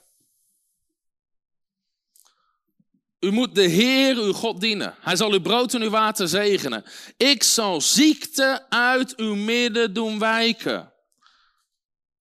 Zeg eens, God zal ziekte uit mijn midden doen wijken. Nou, dit zijn al teksten waar je gewoon je geloof op kan bouwen. Weet je, die tekst moet je ontvangen in geloof. Laatst toen het Sef onze jongste zoon werd aangevallen met ziekte en fem voor, voor een bidden. Het eerste wat ik doe, ik ga naar mijn Bijbel, ik lees zo'n vers. God zal ziekte uit ons midden doen wijken. Boem, er ontstaat geloof in je hart, je bidt voor hem en hij geneest. Maar geloof komt door het woord. Ik zal ziekte uit uw midden doen wijken. Geen vrouw in uw land zal een miskraam hebben of onvruchtbaar zijn. Heb ik gisteren, eergisteren over gesproken in de kinderwensdiensten. Ik zal het aantal van uw dagen volmaken. Halleluja. Zeg eens, God zal het aantal van mijn dagen volmaken. Nou, er zijn zo ontzettend veel teksten over hè, God die al uw ziekte geneest. Deuteronomium 7, vers 15 is ook zo'n knaller.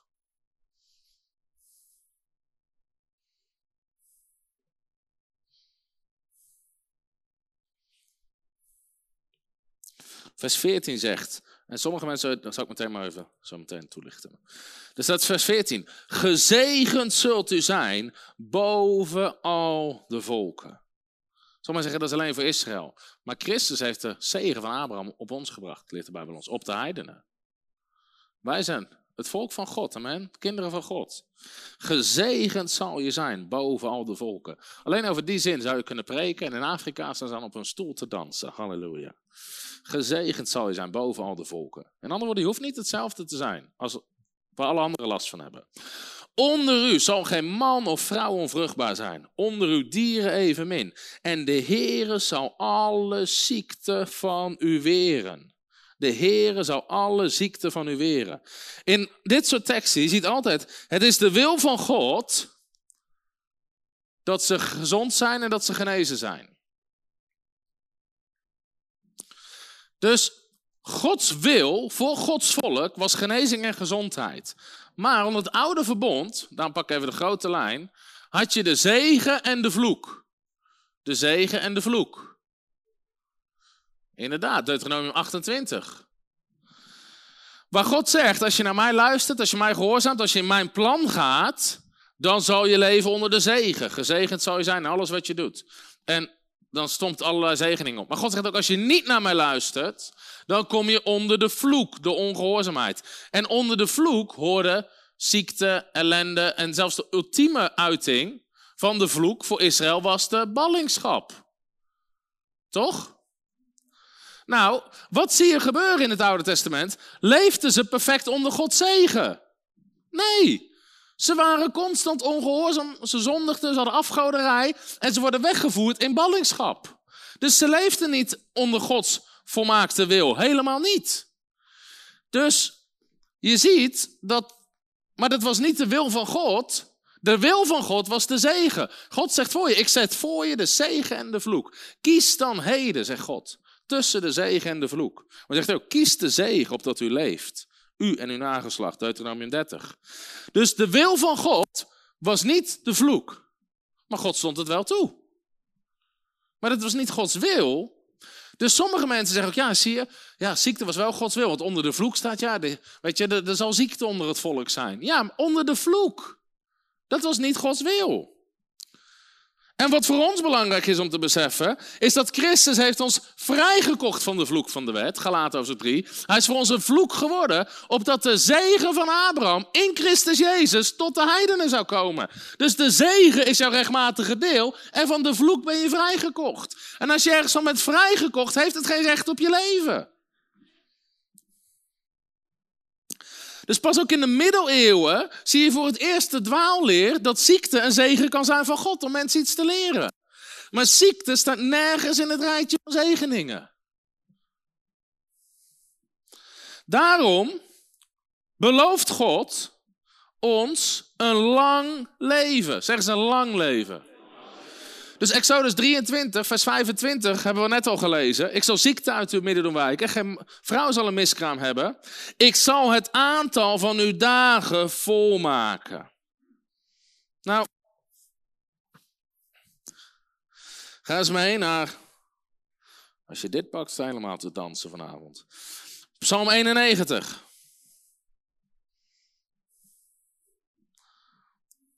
En zelfs het Nieuwe Testament. Eer je vader en je moeder, Efeze 6, vers 2. Opdat het je goed gaat en je lang leeft op aarde.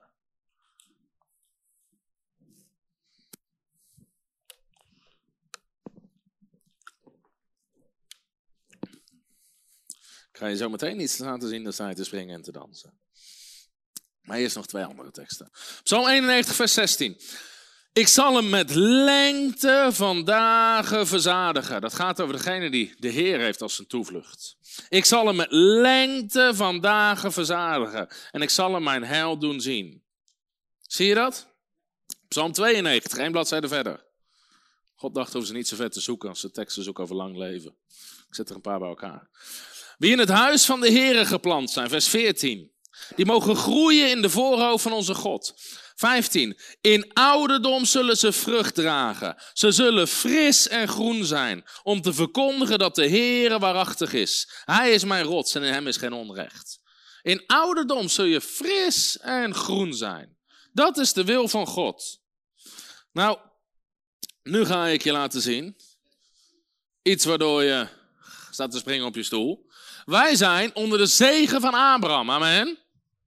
Nou, wat is de zegen van Abraham? Onder andere dat je sterft in hoge ouderdom en niet aan ziekte. Ziekte is niet Gods taxi om mensen thuis te halen. Je hoeft niet te sterven aan ziekte. Je kan sterven van ouderdom. Zonder ziekte. Abraham, Genesis 25, vers 7. Hoef je niet op te zoeken, ik zal een paar teksten lezen. Dit is het aantal jaren van het leven van Abraham dat hij geleefd heeft. 175 jaar. Toen gaf Abraham de geest en stierf in goede ouderdom. Oud en van het leven verzadigd. Zo werd hij met zijn voorgeslacht verenigd. Jij hebt dezelfde zegen als Abraham. En wat zie je? Je het bij Abraham, je ziet het bij Jacob. En je ziet het bij Isaac. Genesis 35, vers 28. De dagen van Isaac waren 180 jaar. Isaac gaf de geest, stierf en werd met zijn voorgeslacht verenigd. Oud en vandaag verzadigd. Isaac gaf zijn geest. Abraham gaf zijn geest. Toen Jacob, dus hebben we Abraham, Isaac, Jacob, Genesis 49, vers 33. Toen Jacob klaar was met het geven van zijn bevelen aan zijn zonen, legde hij zijn voeten bij elkaar op het bed en gaf de geest. En hij werd verenigd met zijn voorgeslacht. Vervolgens zie je Jozef, Genesis 50, een van de laatste versen. Waar staat Mozes stierf in goede ouderdom. Of uh, Jozef. Dus Abraham, Isaac, Jacob, Jozef. Ze stierven allemaal zonder ziekte en in hoge ouderdom.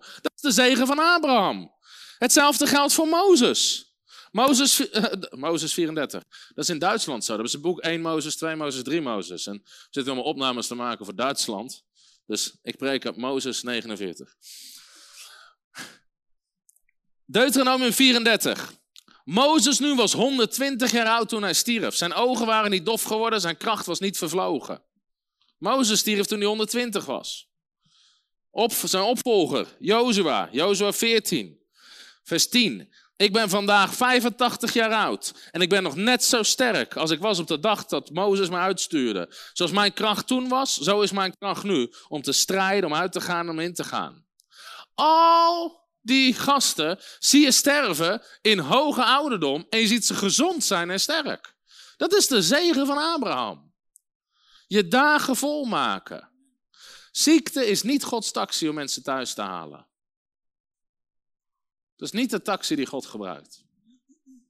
Dus als je kijkt naar de grote lijn in het woord van God, en dan ga ik, ik ga je even helpen. Er zijn een aantal vraagstukken over genezing, die altijd langskomen, die mensen als argument aanhalen.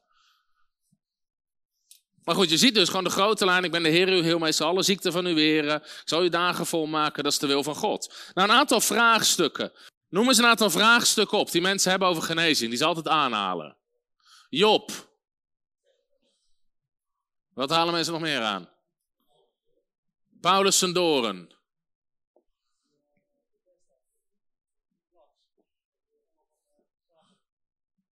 Bethesda, ja. Heb ik net al iets al gezegd over met de, met de Sabbat. Hiskia. Die bad voor zijn verlengen van zijn leven. De grote, ik hoorde net volgens mij iemand Timotheus zeggen. Die moest wijn drinken. Je hebt Trofimus. Even kijken, hoe vergeten we er nog? Ananias en Safira, dat is ook een goede vraag. Kom ik straks ook op. We gaan een aantal dingen zeggen. Nou, ten eerste, als het gaat om alle vraagstukken, elke vraag die je hebt, wordt opgelost in Jezus Christus. Iedere vraag die je hebt, wordt opgelost in Jezus Christus. Wanneer Jezus het verhaal binnenkomt, is de vraag weg. Dus in Matthäus 17 is een voorbeeld, waar ze die jongen niet konden genezen. En die vader komt naar Jezus toe en en dan zegt de Bijbel dat alle schriftgeleerden en fariseeën stonden met ze te discussiëren. Dus er was een discussie gaande. Als mensen niet genezen zijn er allerlei discussies. God wil hem iets leren, misschien moet hij net als Job lijden. Weet ik veel wat ze allemaal discussiëren waren. Alleen de hele discussie stopte toen Jezus van de berg afkwam. En Jezus zegt niet van, och, hij zal net als Job lijden. Jezus zegt, hoe lang moet ik jullie nog verdragen, ongelovig geslacht? Breng de jongen hier bij mij. En Jezus geneest die jongen. Dus zodra Jezus het verhaal binnenkomt, is de vraag weg. En Jezus zegt, Johannes 14, vers 12, je zal dezelfde werken doen als mij en nog grotere.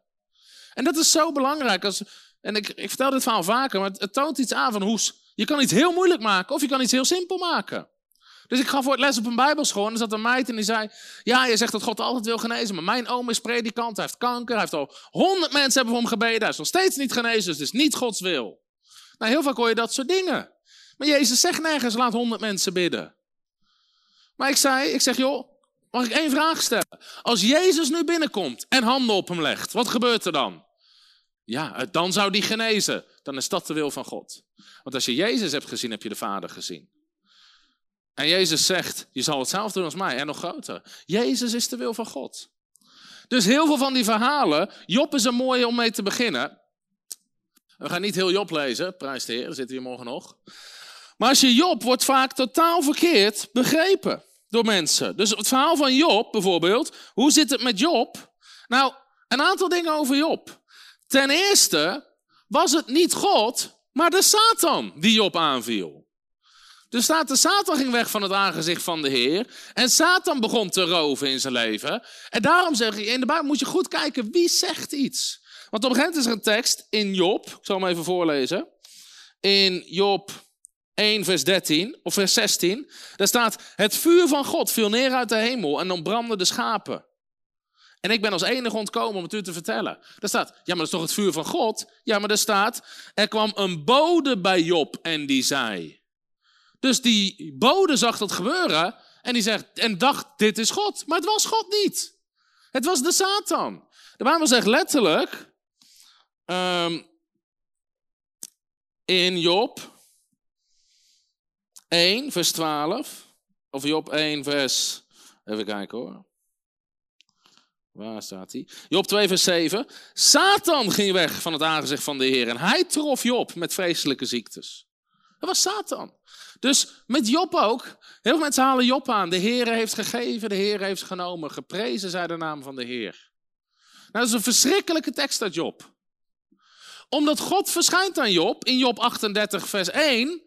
En God gaat Job antwoorden. En het eerste wat God zegt tegen Job is: Waarom heb jij woorden gesproken zonder kennis? Dus het eerste wat God tegen Job zegt is: Je hebt dingen gezegd die niet waar zijn. En mensen gaan volgens Job citeren. Terwijl God zegt dat wat hij zegt niet waar is. Dat is niet slim. Als God zegt dat iemand geen gelijk heeft, dan dan aanhalen alsof hij gelijk heeft. Want God had helemaal niks genomen. Het was de Satan. Dus dat is belangrijk om te beseffen. Nou, wat is nog meer? Wat is het belangrijkste misschien om te beseffen? Job leefde nog voor het oude verbond. Job riep uit, was er maar een middelaar tussen mij en u. Bovendien, wat veel mensen niet weten, is Job. Het is geen verhaal van jaren, het is een verhaal van enkele maanden. Want Job zegt: Maanden van doelloosheid heb ik geërfd en nachten van moeite heb ik. Job 7, vers 3. Sowieso iets anders over Job. Job genas. Sommige mensen hebben nooit het eind van het boek gelezen. Job genas. God genas Job en hij stelde alles wat hij had. Hij verdubbelde hem. Sommigen zeggen, ik ben net als Job. Prijs de Heer, dan zal je genezen. En verdubbelen, halleluja. 6000 schapen in je tuin. Bee. Maar zeggen, ja, ik ben net als Job, net als Job. Nou, dan genees je. Amen. Maar Job leefde ver voor het oude verbond. Hij leefde niet eens onder het oude verbond. En ver voor het nieuwe verbond. Sommigen zeggen, ja, maar waarom stond God dat dan toe? Omdat de duivel zei, hij, hij dient u alleen maar vanwege de zegen, omdat het goed gaat. En als het niet goed gaat, zal hij u niet dienen. En God zegt, zie, wat hij heeft is in uw hand. Wat hij had, kijk, er zijn zoveel dingen uit Job, we zouden hier hele avond over kunnen spreken. Dat is nog zo'n voorbeeld. Job komt bij, of de duivel komt bij God en dan zegt de HSV, uh, heeft u uw hart gezet op mijn dienaar Job? En laten we maar eens toch lezen, want dit zijn gewoon belangrijke dingen. Want het is namelijk niet zo, in de HSV lijkt het net alsof God Job naar voren schuift. Ja, 1 vers 8. Job 1 vers 8.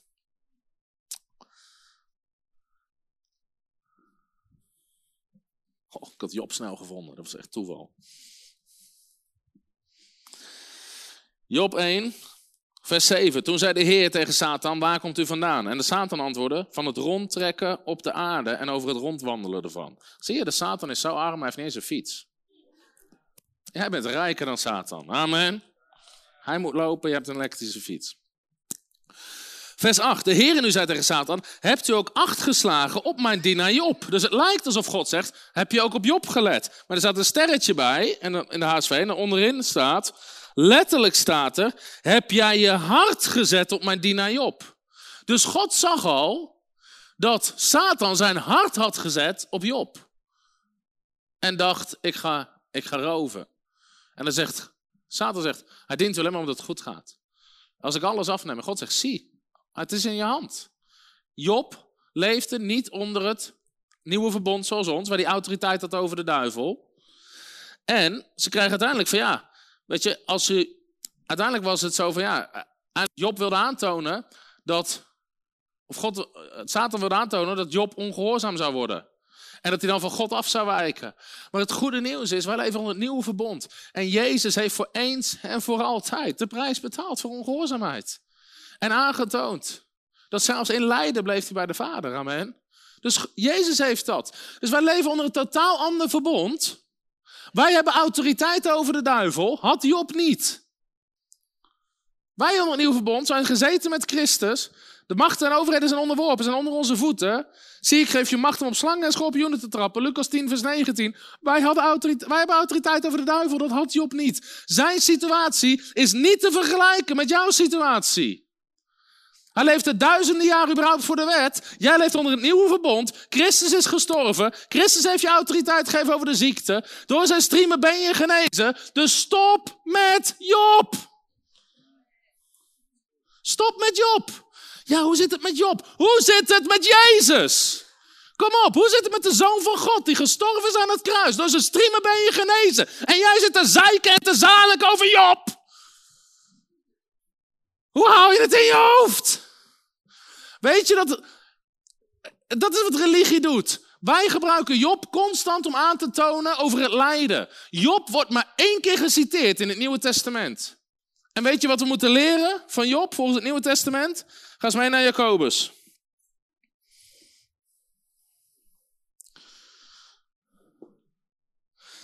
Jacobus 5, vers 11.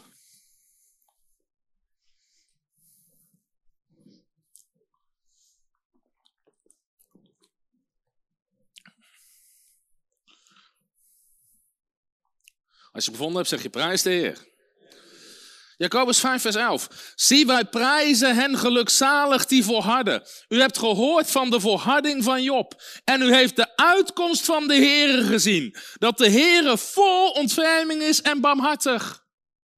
Als Jacobus Job aanhaalt, de enige tekst in het Nieuwe Testament over Job wordt gebruikt om te onderwijzen dat God goed is. Dat hij vol ontferming is en dat hij barmhartig is.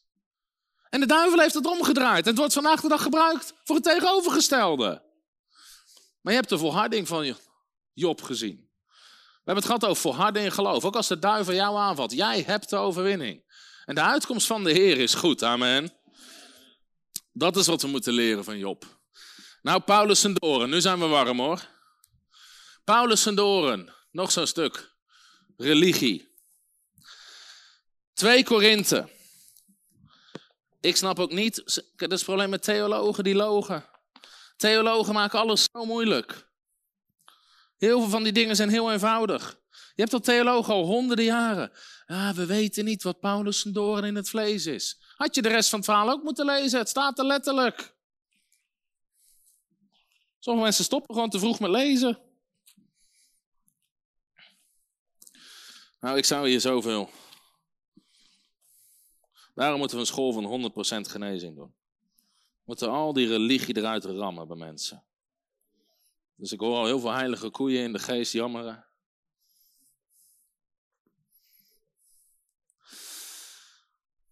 ...2 Korinthe hoofdstuk 12, vanaf vers 7. Dat gaat over Paulus en doorn in het vlees. En opdat ik mij... Nou, even in de context. In 2 Korinthe hoofdstuk 12 begint Paulus, heeft hij het over een man die opgenomen is in het paradijs en die daar dingen gehoord heeft die hij niet mocht spreken. Als je het bestudeert, kom je erachter Paulus praat over zichzelf. Want hij zegt, over zo iemand zal ik opscheppen. En Paulus is zijn bediening aan het verdedigen. Paulus had openbaringen gehad in de hemel. Maar Paulus' grootste openbaring was Jood en Heide is samen één nieuwe schepping geworden. Dat was Paulus' grote openbaring. En daar werd hij gigantisch door vervolgd. Amen. Daardoor werd hij tegengewerkt, gestenigd, et cetera. was meestal door de Joden. Nou, vers 7. En opdat ik mij door het alles overtreffende karakter van de openbaring niet zou verheffen, is mij een doren in het vlees gegeven. Een engel van de Satan.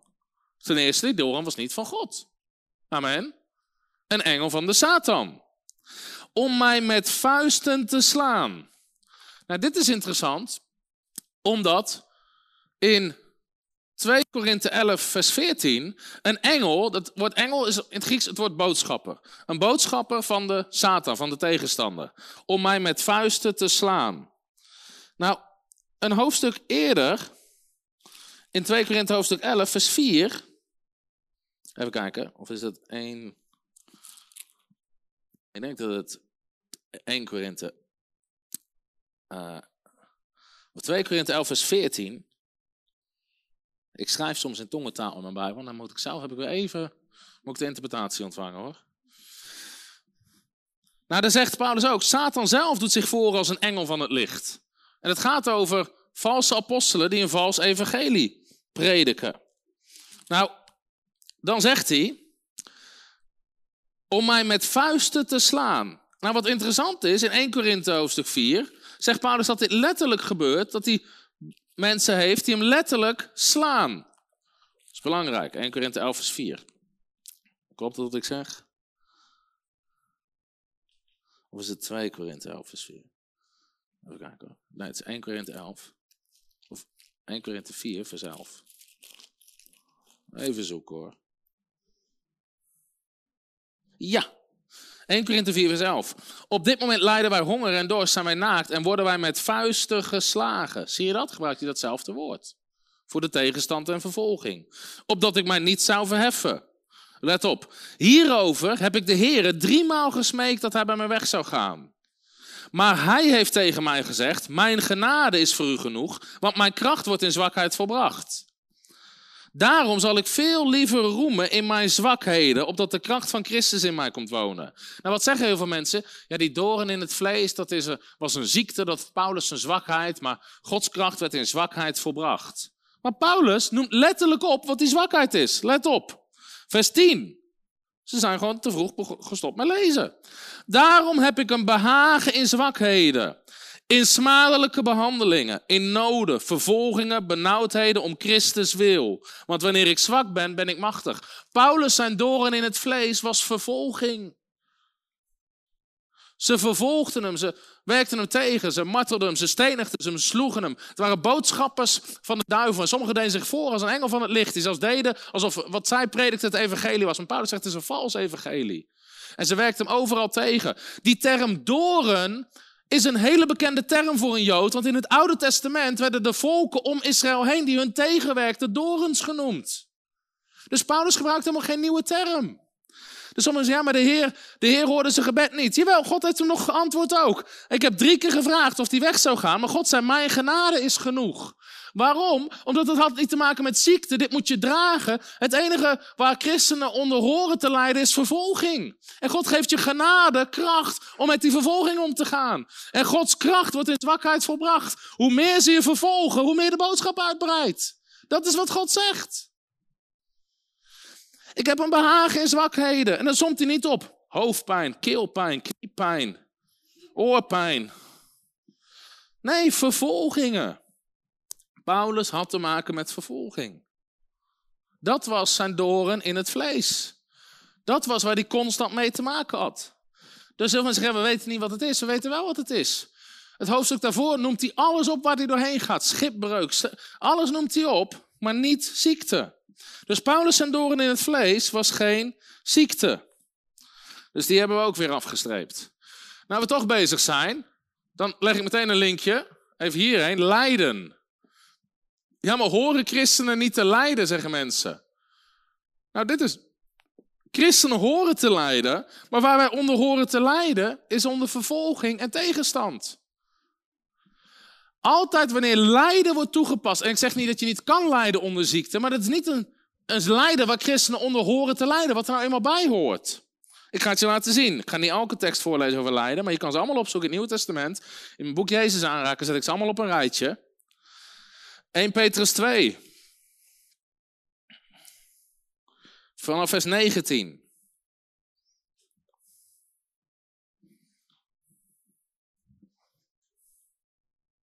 Als je gevonden hebt, zeg je prijs de Heer.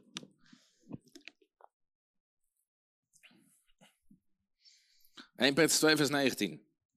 Want dat is genade. Als iemand om het geweten van God, voor God, dingen verdraagt die hem pijn doen en daarbij ten onrechte lijdt. Want wat voor roem is er als u het geduldig verdraagt wanneer u zondigt en daarvoor slagen ontvangt? Maar als u het geduldig verdraagt wanneer u goed doet en daarvoor leidt, is dat genade bij God. Want hiertoe bent u geroepen, omdat ook Christus voor ons geleden heeft. Hij laat ons zo een voorbeeld na, dat u in zijn voetsporen zou navolgen. Wij moeten lijden zoals ook Christus heeft geleden. Maar Christus leed niet onder allerlei ziektes. Hij leed omdat hij goed deed, maar ze hem toch vervolgden omdat ze toch over hem logen, om toch tegenwerkt, al die dingen meer. Dus wij moeten in de voetsporen van Christus wandelen als het gaat om lijden. Dus nieuwtestamentisch lijden gaat altijd over vervolging en tegenstand.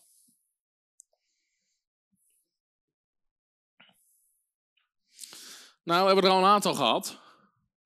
Paulus en Doorn hebben we gehad, Job hebben we gehad, Lijden hebben we gehad. Um, Timotheus. Timotheus moest wijn drinken vanwege uw veelvuldige kwalen. Nou, die is, even kijken waar die staat. 1 Timotheus.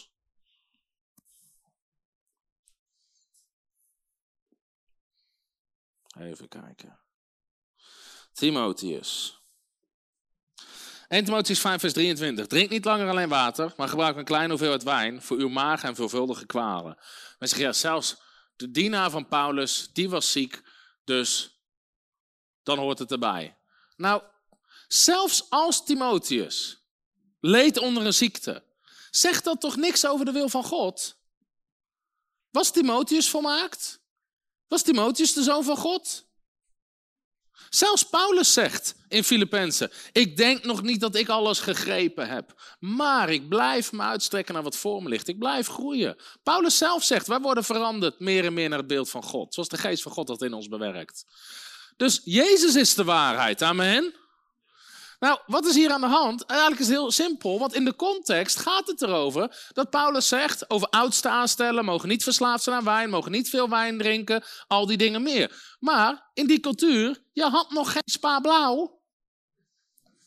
Je had ook geen zo'n ding in de keuken waar je aan draait en dan komt het er zo uitlopen. Dus in die cultuur was het heel normaal om je water en je andere dingen te mixen met wat alcohol. Want dat zorgt er gewoon voor dat je, dat je geen bacteriën oploopt, geen infecties oploopt. Alleen, Paulus was behoorlijk fel tegen alcohol, omdat er ontzettend veel misbruik van gemaakt werd. Dus ook met Timotheus schrijft over oudste, et cetera. En Timotheus was blijkbaar, wilde op dat gebied ook een voorbeeld zijn en dronk helemaal geen wijn. Alleen vervolgens dronk hij gewoon water, waardoor hij telkens geïnfecteerd raakte. Dus Paulus zegt, drink niet langer alleen water, maar drink ook wat wijn.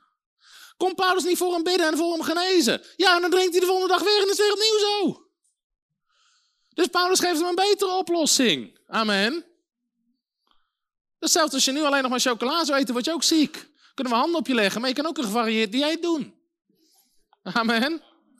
Dus dit, dit heeft... Dus goed nieuws voor iedereen, drink wijn.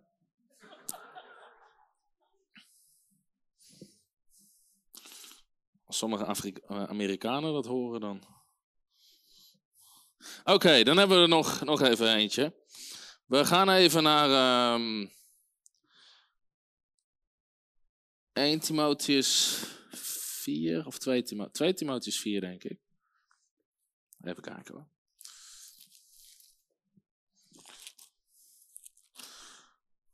Twee Timotheus, of 1 Timotheus, ja, 2 Timotheus 4 vers 20.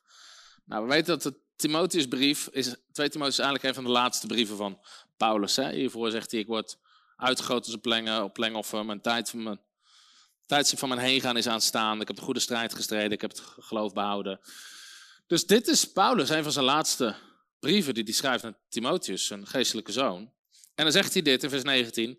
Groet Prisca en Aquila en het huis van Onesiphorus. Dus voor mensen van de kinderwensdienst, als je nog een naam zoekt voor je kindje. Bijbelse naam. Onesiphorus. Dan zegt hij in vers 20. Erastus is in Korinthe gebleven. Trofimus heb ik ziek in Mileten achtergelaten. Beijver u om voor de winter te komen. Groet. Zo, hier heb je veel mooie namen. Eubulus, Pudens, Linus, Claudia en alle broeders.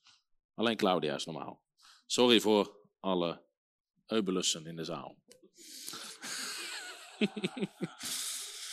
2 Timotheus 4 vers 20. Erastus is in Korinthe gebleven, Trofimus heb ik ziek in Mileten achtergelaten. Mensen zeggen, nou zie je, zelfs de grote apostel Paulus moest Trofimus ziek in Mileten achterlaten. Het hele probleem is, je kan helemaal niks zeggen op basis van die tekst. We weten niet wat er aan de hand was. Het woord ziek is het, precies hetzelfde woord in het Grieks als zwak. Dus je weet niet, heeft Paulus hem zwak in Mileten achtergelaten of ziek? Was hij te zwak om verder te reizen? Uh, wat was er aan de hand?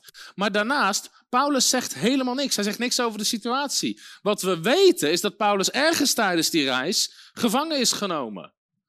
En dat hij ook brieven schrijft vanuit de gevangenis. Dus we weten helemaal niet, was Paulus bij hem of niet? Was Paulus al weg? Was Paulus al gevangen genomen? Zijn ze uit elkaar getrokken? We weten gewoon helemaal niks. En Paulus verbindt er ook geen conclusies aan. Dan zegt niet, nou, Trofimus is ziek achtergebleven, dus God geneest niet of wat dan ook. We weten gewoon simpelweg niet wat er aan de hand was. We weten helemaal niks. Was hij zwak? Was hij ziek? Was Paulus er wel bij? Was Paulus er niet bij? Wat is er aan de hand? We weten het niet. Dus daarom zeg ik, kijk naar het hele woord van God. Sommige mensen pakken één zo'n tekst. Ja, zie je, Trofimus was ziek, dus God wil niet altijd iedereen genezen. Door zijn streamen ben je genezen. Dus mensen pakken één klein tekstje en zitten te zoeken naar dingen en zeggen ja, ja, ja. Maar kijk van Genesis tot openbaring. Hij is de Heer, je heelmeester. Hij is de God die al je ziekte geneest, zal alle ziekte van u weren. Ik zal het aantal van je dagen volmaken. Genezing is de wil van God. Genezing is altijd de wil van God.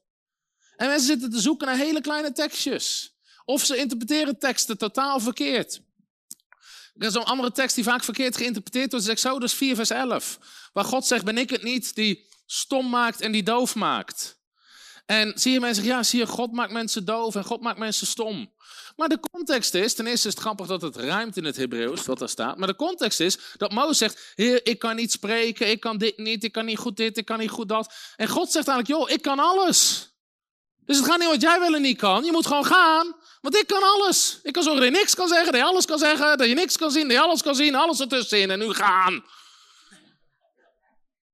Dat is helemaal geen tekst om doctrine op te bouwen. En in het Hebreeuws ruimt het dus ook. Dus God maakt eigenlijk een soort woordspeling naar Mozes. En het is helemaal geen tekst om doctrine op te bouwen. Dus als je gewoon kijkt naar de grote lijnen in het woord van God, dan zie je dat God altijd iedereen wil genezen. Amen. Dus ik, heb nu, ik haal het verhaal van Ananias en Safira en veel van die andere verhalen. Je zou ze stuk voor stuk zou ze uit kunnen leggen. Um, hoeveel tijd hebben we?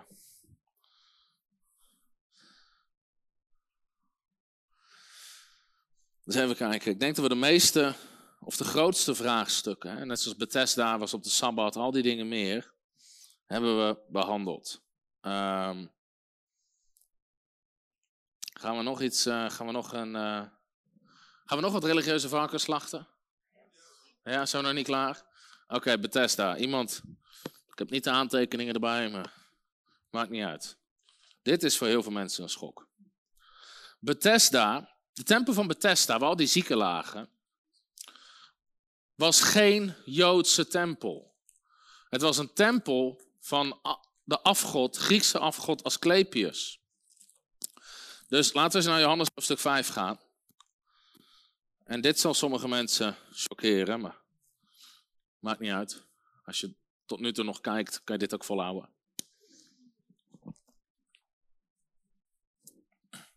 Johannes hoofdstuk 5.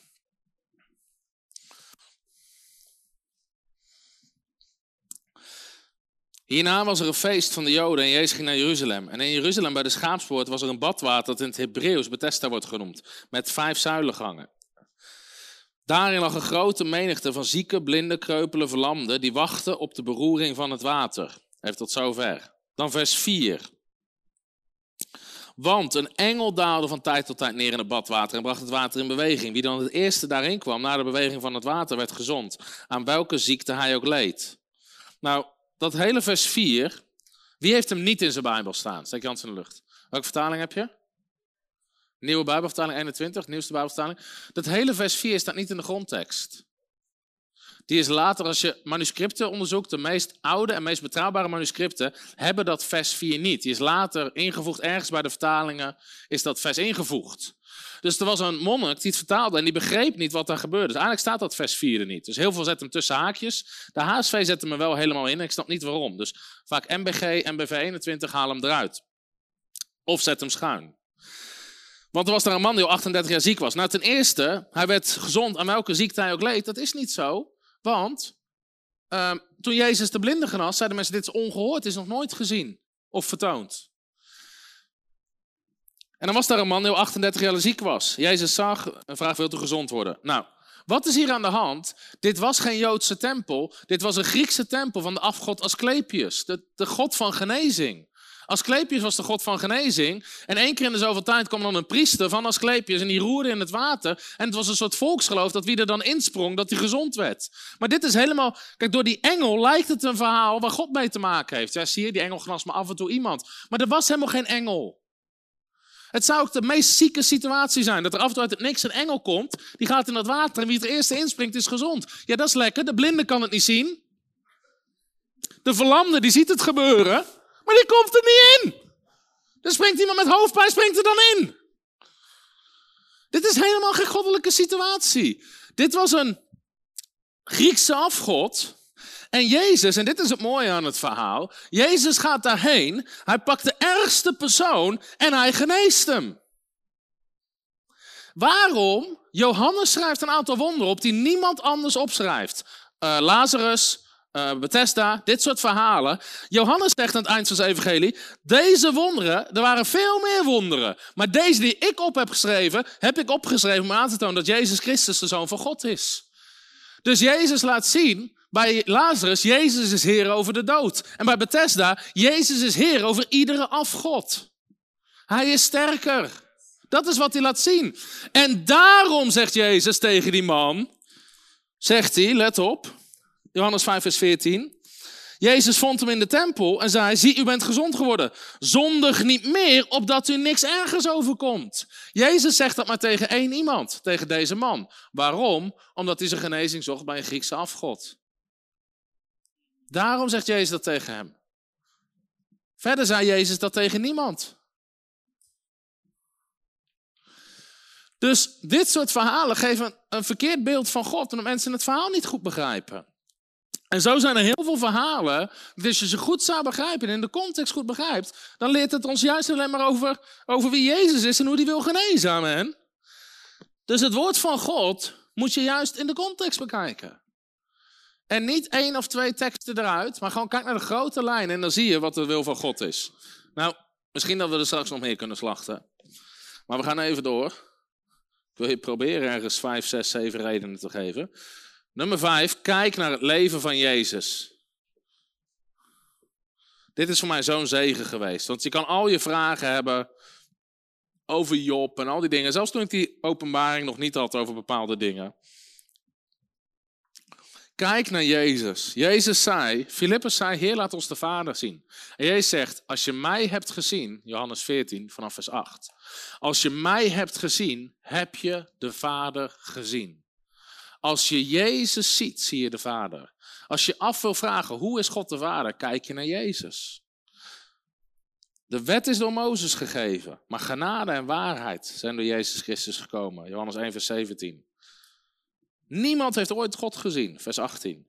Maar de enige geboren zoon die in de schoot van de vader is, heeft hem aan ons verklaard. Dus er is tekst na tekst na tekst over. Kan er nog een paar opzoeken, maar Colossense noemt Jezus het beeld van de onzichtbare God. Zoveel teksten die gewoon laten zien, als we Jezus hebben gezien, heb je de Vader gezien.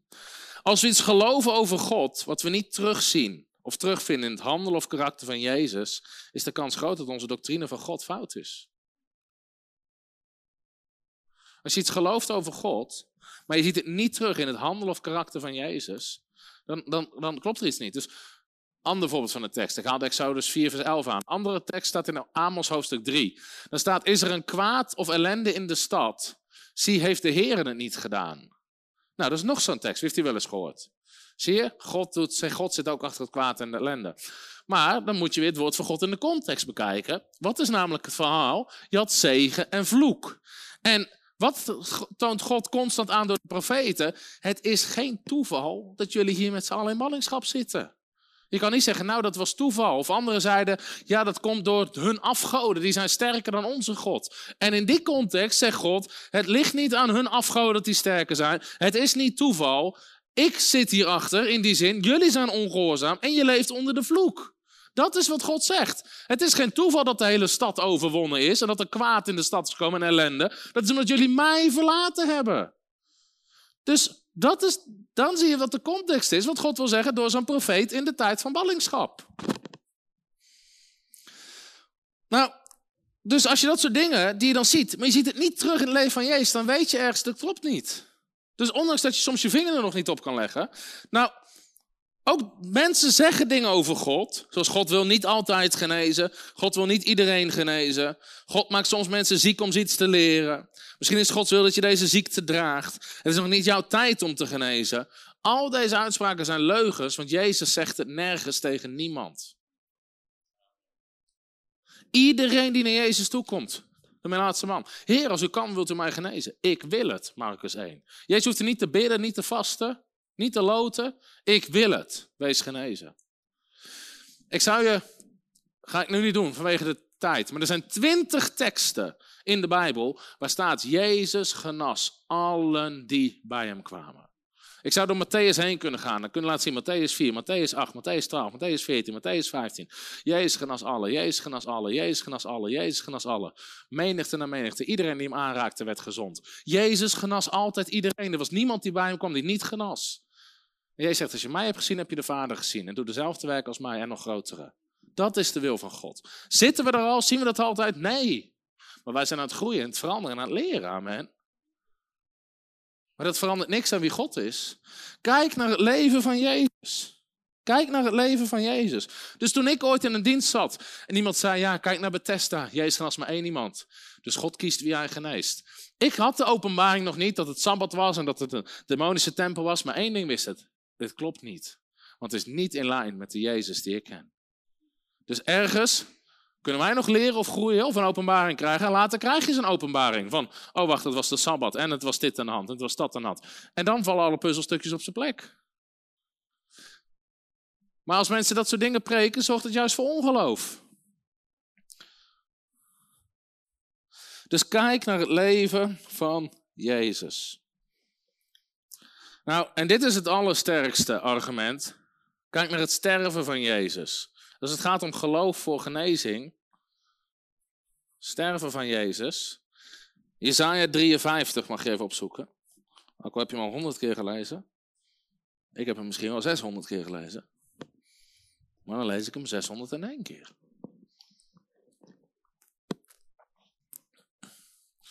Jezaja 53.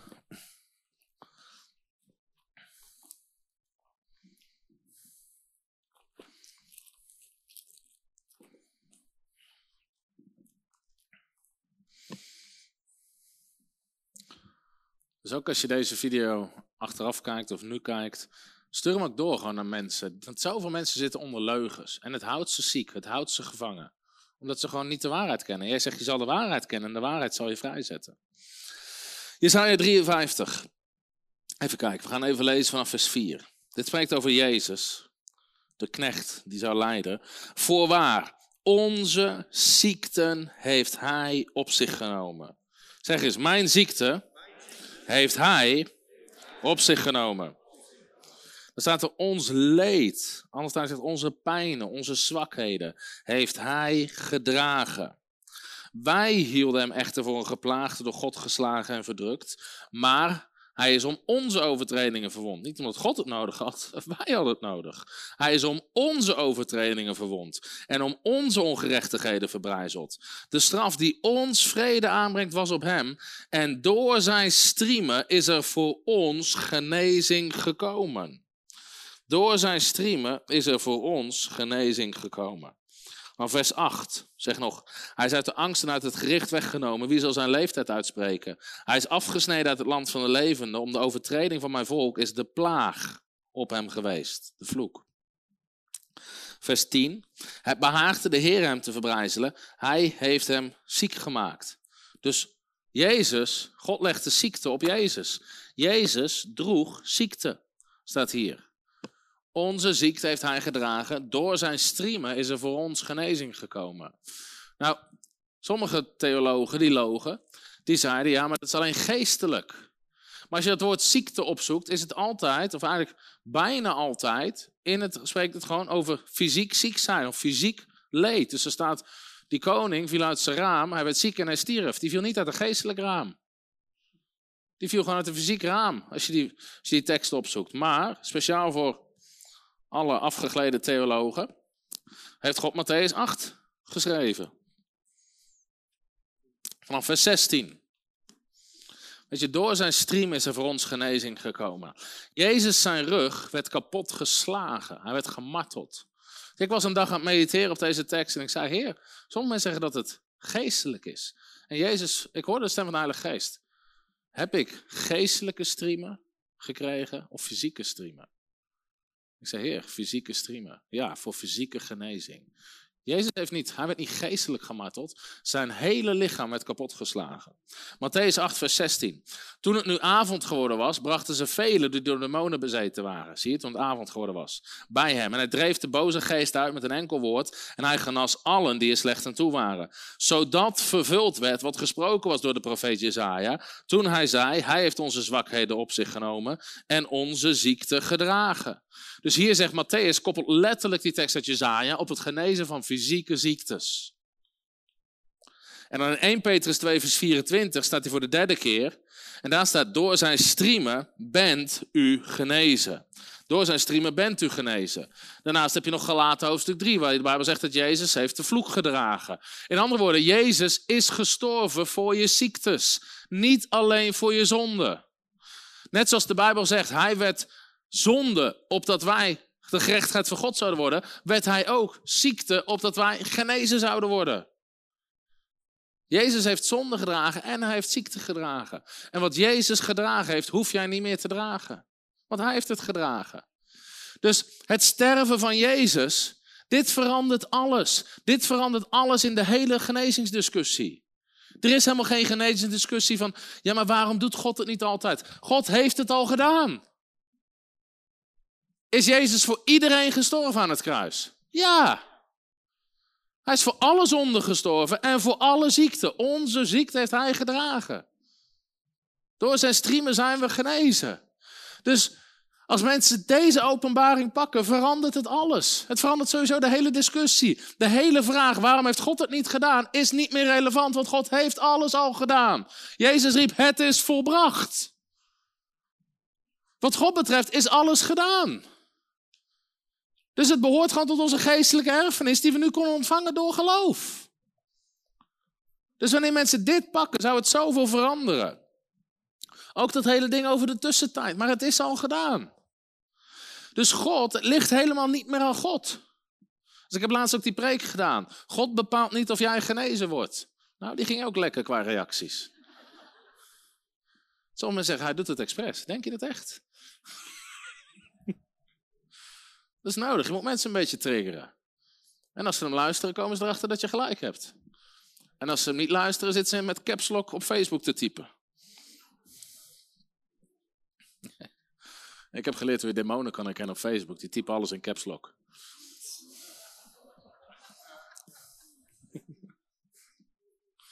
Of het is je oma die niet weet hoe ze het uit kan zetten. Maar, dat kan. maar wel altijd onder onze post.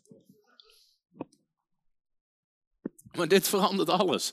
Jezus is al gestorven. Ook ziekte, ongeneeslijke ziekte hoorde onder de vloek. De vloek is verbroken. Jezus is gestorven. Daarom heeft het helemaal niks te maken met God wel of niet, of, of Job, of weet ik veel wat. Jezus is gestorven. En in Matthäus 10, vers 1, mag je opzoeken. Matthäus 10, vers 1.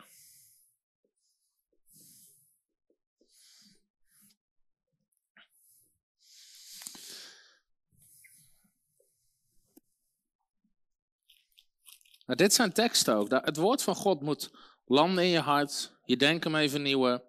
Want in deze wereld wordt er, komt er zoveel op ons af. Van ongeloof en wereldse dingen. En waar we ons hart mee vullen. En heel Holland bak lucht. En allemaal dat soort dingen. Maar dit is de waarheid van het woord van God. Hij riep zijn twaalf discipelen bij zich. Nou, dit gaat ook, geldt ook over ons. Dus in je Bijbel kan je erbij zetten Matthäus 28, vers 18. Waar Jezus zegt tegen zijn discipelen, ga heen en leer de volken alles wat ik jullie geleerd heb. Dit valt onder alles. Amen. Hij riep zijn twaalf discipelen bij zich en gaf hun macht, dat is het Griekse woord autoriteit, over de onreine geesten om die uit te drijven en om iedere ziekte en elke kwaal te genezen. Jezus gaf ze macht, hij gaf ze autoriteit over iedere ziekte en elke kwaal. Aan wie gaf hij dat? Aan zijn discipelen. Aan wie heeft hij het vandaag de dag gegeven? Aan zijn discipelen. Jezus is het hoofd, wij zijn het lichaam. Het maakt niet uit wat het hoofd bedenkt, het lichaam moet het gaan doen. Anders ben je verlamd. Amen. Dus Jezus heeft ons macht, autoriteit gegeven over iedere ziekte en elke kwaal. Dus mensen zoeken ook altijd een uitzondering. Krijg je altijd vragen. Uh, ja, maar dit. Ja, maar dat. Ja, maar dit. Iedere ziekte, elke kwaal. Als jij daar een uitzondering in vindt. heb het ondergezocht in het Grieks, Hebreeuws, Spaans, Portugees, Frans, Nederlands en Belgisch. Iedere ziekte en elke kwaal betekent iedere ziekte en elke kwaal. Dat betekent gewoon alles. Jij hebt er autoriteit over gekregen. Die autoriteit ligt bij jou. Jij zegt tegen jou, leg handen op zieken en ze zullen genezen. Allemaal. Waarom? Je hebt autoriteit over iedere ziekte en elke kwaal. Dus jij kan in geloof ontvangen voor jouw leven wat je nodig hebt. Je kan uitdelen aan anderen. Maar het werkt door geloof. Het werkt door geloof. Maar die autoriteit ligt bij ons. Dus, we hebben nog een paar minuten. Zal ik, dan, ik zal eerst zeven verklappen. Genezing is het brood van de kinderen. Genezing is het brood van de kinderen. Dus in Matthäus hoofdstuk 15 van de kids. Matthäus hoofdstuk 15 komt die Canaanese vrouw, en ze, ze, is een heidense vrouw en Jezus was nog niet gestorven, dus oude verbond op dat gebied. En die vraagt genezing voor haar dochter. En dan zegt Jezus, het is niet goed om het brood van de kinderen te nemen en aan honden te geven. En zij zegt dan, heer, maar de honden eten van de kruimels, die vallen van de tafel van hun bezitter. En zegt Jezus, vrouw, groot is je geloof, ga heen. En haar dochter was vanaf dat moment gezond. Nou, Jezus zegt daar, genezing is het brood van de kinderen. Het is niet goed om het brood van de kinderen. Weet je, na het sterven van Jezus zijn Jood en Heiden zijn één nieuwe schepping geworden, zegt Paulus. Wij zijn kinderen van God geworden. Weet je, en ik ga nog een keer, willen ook nog een keer een grace school doen. Want heel veel christenen worstelen ook met de wet. met de, maar een heiden is nooit onder de wet geweest. Nooit onder de wet geweest. Waar leeft de zonder wet? En ik kom tot Christus zit ze onder de wet. Dat is religie. Je bent nooit onder de wet geweest. Nog nooit. Je bent, als je als heiden tot geloof bent, ben je alleen maar onder Christus geweest. Dus sommigen zeggen, wij zijn vrijgekocht van de wet. Ja, dat geldt voor de Joden. Maar je hebt nooit onder de wet gezeten, dus je hoeft er ook niet vrijgekocht van te worden. Je moest wel gered worden, maar je hebt nooit onder de wet geleefd. Ander onderwijs. Maakt niet uit. Na, dus wij zijn, Jood en Heiden zijn één nieuwe schepping geworden. Wij zijn de kinderen van God geworden. Genezing is het brood van de kinderen. Genezing is beschikbaar voor al Gods kinderen. Door zijn streamen ben je genezen. Hij heeft je autoriteit gegeven over iedere ziekte en elke kwaal. Je kan spreken tegen de berg. Genezing is deel, is Gods deel. Jij zegt niet, genezing is het caviar van de kinderen. Eten ze toch niet, kinderen caviar? Ik ook niet trouwens. Het is goed, ik ga geen eieren van een steur eten, zoek het uit. maar goed, ander onderwijs. In ieder geval, Jezus zegt niet van nou, dat is iets heel exclusiefs of een toetje. Of, uh, het is gewoon brood, de basismaaltijd. En als je vader vraagt om een brood, geeft hij nooit een steen. Amen. Dus Jezus is altijd heel eenvoudig over genezing, want hij weet gewoon, God wil het geven. God wil het geven. Wat wilde ik hiervoor nou zeggen? Ik wilde iets zeggen. Oh ja, ik weet het alweer. Dank je, Heilige Geest. Oké. Ehm, sommigen zeggen, even over genezing, ik heb dit vaker geschetst. Als je 2000 jaar, even grofweg, blijven we in 2022. Als je 2000 jaar christendom bekijkt, dan zie je dat in het begin handelingen, uh, de bediening van Jezus, gewoon iedereen genas. Ga eens mee naar Handelingen 5, vers 16. Want, sommigen zeggen, ja, maar alleen bij Jezus genas iedereen. Nee, ook bij de apostelen. En ik zou je meer teksten kunnen laten zien, maar ik doe even alleen deze.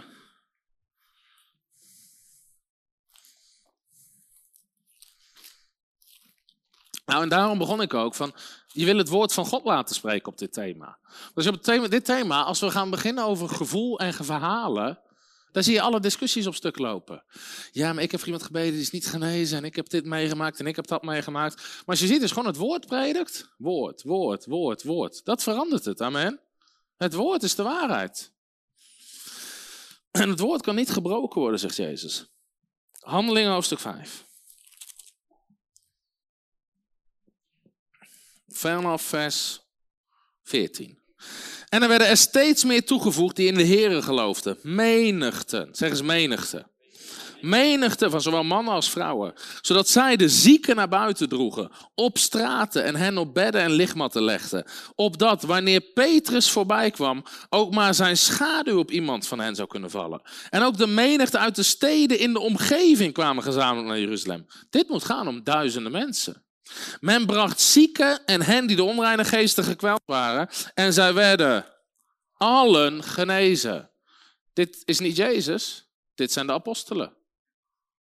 Dit zijn de discipelen. In Handelingen 19 zie je dat zelfs Paulus zijn zweetdoeken genoeg kracht dragen om op afstand zieken te genezen. In Handelingen 28 geneest Paulus alle mensen op een eiland waar hij dan met zijn schipbreuk terechtkomt. In ieder geval, in de bediening van Jezus en de apostelen zie je dat alle genazen. Nou, op een gegeven moment zie je religie, zie je intrede doen in de kerk, de opstaan van de Rooms-Katholieke kerk, uh, al die dingen meer. En dan krijg je op een gegeven moment de reformatie, rond 1517. Nou, in deze periode hiertussen, ik ga niet 2000 jaar kerkgeschiedenis geven, maar dit was beroerd. Daarom noemen we het ook de Dark Ages, de middeleeuwen. Er was totaal geen kennis. Mensen hadden niet eens een Bijbel. je had op een gegeven moment had je Wycliffe, we hebben nu nog de Wycliffe Foundation, stichting, die Bijbels vertaalt. Maar Wycliffe had op een gegeven moment rond 1300 de openbaring, maar christenen hè, moeten toch de Bijbel kunnen lezen. In deze tijd werden gewoon sprookjes verteld vanaf de kansel. Er werd in het Latijn gepreekt, mensen konden het niet eens verstaan en mensen hadden niet eens een Bijbel. Het was verboden om een Bijbel te hebben. Kom je nu nog tegen, dat gedachtegoed bij, bij katholieken. Je hebt toch zeker geen Bijbel, die hebt de pastoor toch? Wycliffe, de, de katholieken hadden zo'n rot hekel aan Wycliffe, die hebben 33 jaar na zijn dood zijn botten nog opgegraven om te verbranden. Alsof hij dat nog voelt, maar goed. Want Wycliffe ging de Bijbel vertalen. Zeg, ja, maar ze geven parels aan de zwijnen. Jezus heeft het overgedragen aan dokters en verstandigen. En Wycliffe maakt het woord bekend onder alle mensen. Ze hadden een rottekel aan Wycliffe. Op een gegeven moment krijg je een Maarten Luther en een Calvijn. En hun grote openbaring was dat je gered werd, niet door goede werken, niet door aflaten te kopen bij de paus, niet door vagevuur en heilige verering en al dat soort dingen. Je wordt gered door genade en door geloof. Dat is hoe je gered wordt. Nou, het duurde letterlijk een paar honderd jaar. Dus als je rond 1700, 1800, als je dat bestudeert, de Methodistenbeweging, die konden hier nog heel moeilijk geloof in hebben. Dus je ziet de leer van de uitverkiezing zie je ontstaan. Maar ook de Methodistenbeweging, die denkt van ja, ja, God wil wel redden, maar ja, het is genade, geloof je toch ook wel heel heilig leven. Je moet heel hard je best doen, je moet goede werken. Terwijl nu, vandaag de dag, weet je gewoon, joh, daar, weet je, daar is gewoon geloof voor redding. Nu vinden we dat heel normaal. Maar het heeft een paar honderd jaar geduurd voordat dat in de kerk kwam. Waarom? Geloof komt door het horen en het horen van het woord van God. Dus het duurde lang om al die verkeerde gedachtenpatronen eruit te krijgen voordat er geloof voor redding kwam. Nou, op een gegeven moment zie je rond 1900 zie je de doop in de Heilige Geest wordt hersteld. En rond die tijd, rond 1900, zie je de eerste mensen die weer genezing beginnen te pionieren. Heb je het over een John Alexander Dowie, een John G. Lake, een F.F. Bosworth, en dat soort mannen en ook vrouwen op een gegeven moment, Catherine Coleman, dat was alweer later. Maar die beginnen genezing te pionieren. Dat is echt een enkeling. Nou, die zijn vervolgd tot en met. En dan, op een gegeven moment, dus en dat heb je het over 120 jaar geleden. Nou, in Nederland had je in 58 op het Malieveld kwam Theo Osborne. Voor die tijd gebeurde er niet heel veel op het gebied van genezing. Theo Osborne was de, eigenlijk de eerste die grootschalig introduceerde in Nederland. Heb je het over 70 jaar terug? En dan zie je een enkeling, en later nog, want dan krijg je eigenlijk de beweging, heel deze beweging, waar het speciale gezalfde mannen en vrouwen van God waren die het deden. En iedereen ging naar hun diensten toe en daar gebeurden de wonderen. En God heeft genezing en krachtbedieningen. Maar het waren pas Charles en Francis Hunter rond 1980 die begonnen te prediken. If we can do it, you can do it. Leg handen op zieken en ze zullen genezen. Dan heb je het over 40 jaar terug. In Nederland was het een enkeling zoals uh, zoals Johan Maasbach en, en een Jan Zelstra. En dat soort mensen die genezing begonnen te pionieren in Nederland. Die dat echt grootschalig op de kaart zetten. Een Hans Kornstra, die had de Hoekendijks. En die begonnen het te pionieren. Nou, dan heb je het dus over enkelingen die dat beginnen te pionieren. En je hebt het over een periode van een jaar of vijftig. Dit soort dingen zijn nog steeds ontzettend nieuw in de kerk. Weet je, als ik vraag wie heeft er vanavond heel veel nieuwe dingen geleerd over genezing?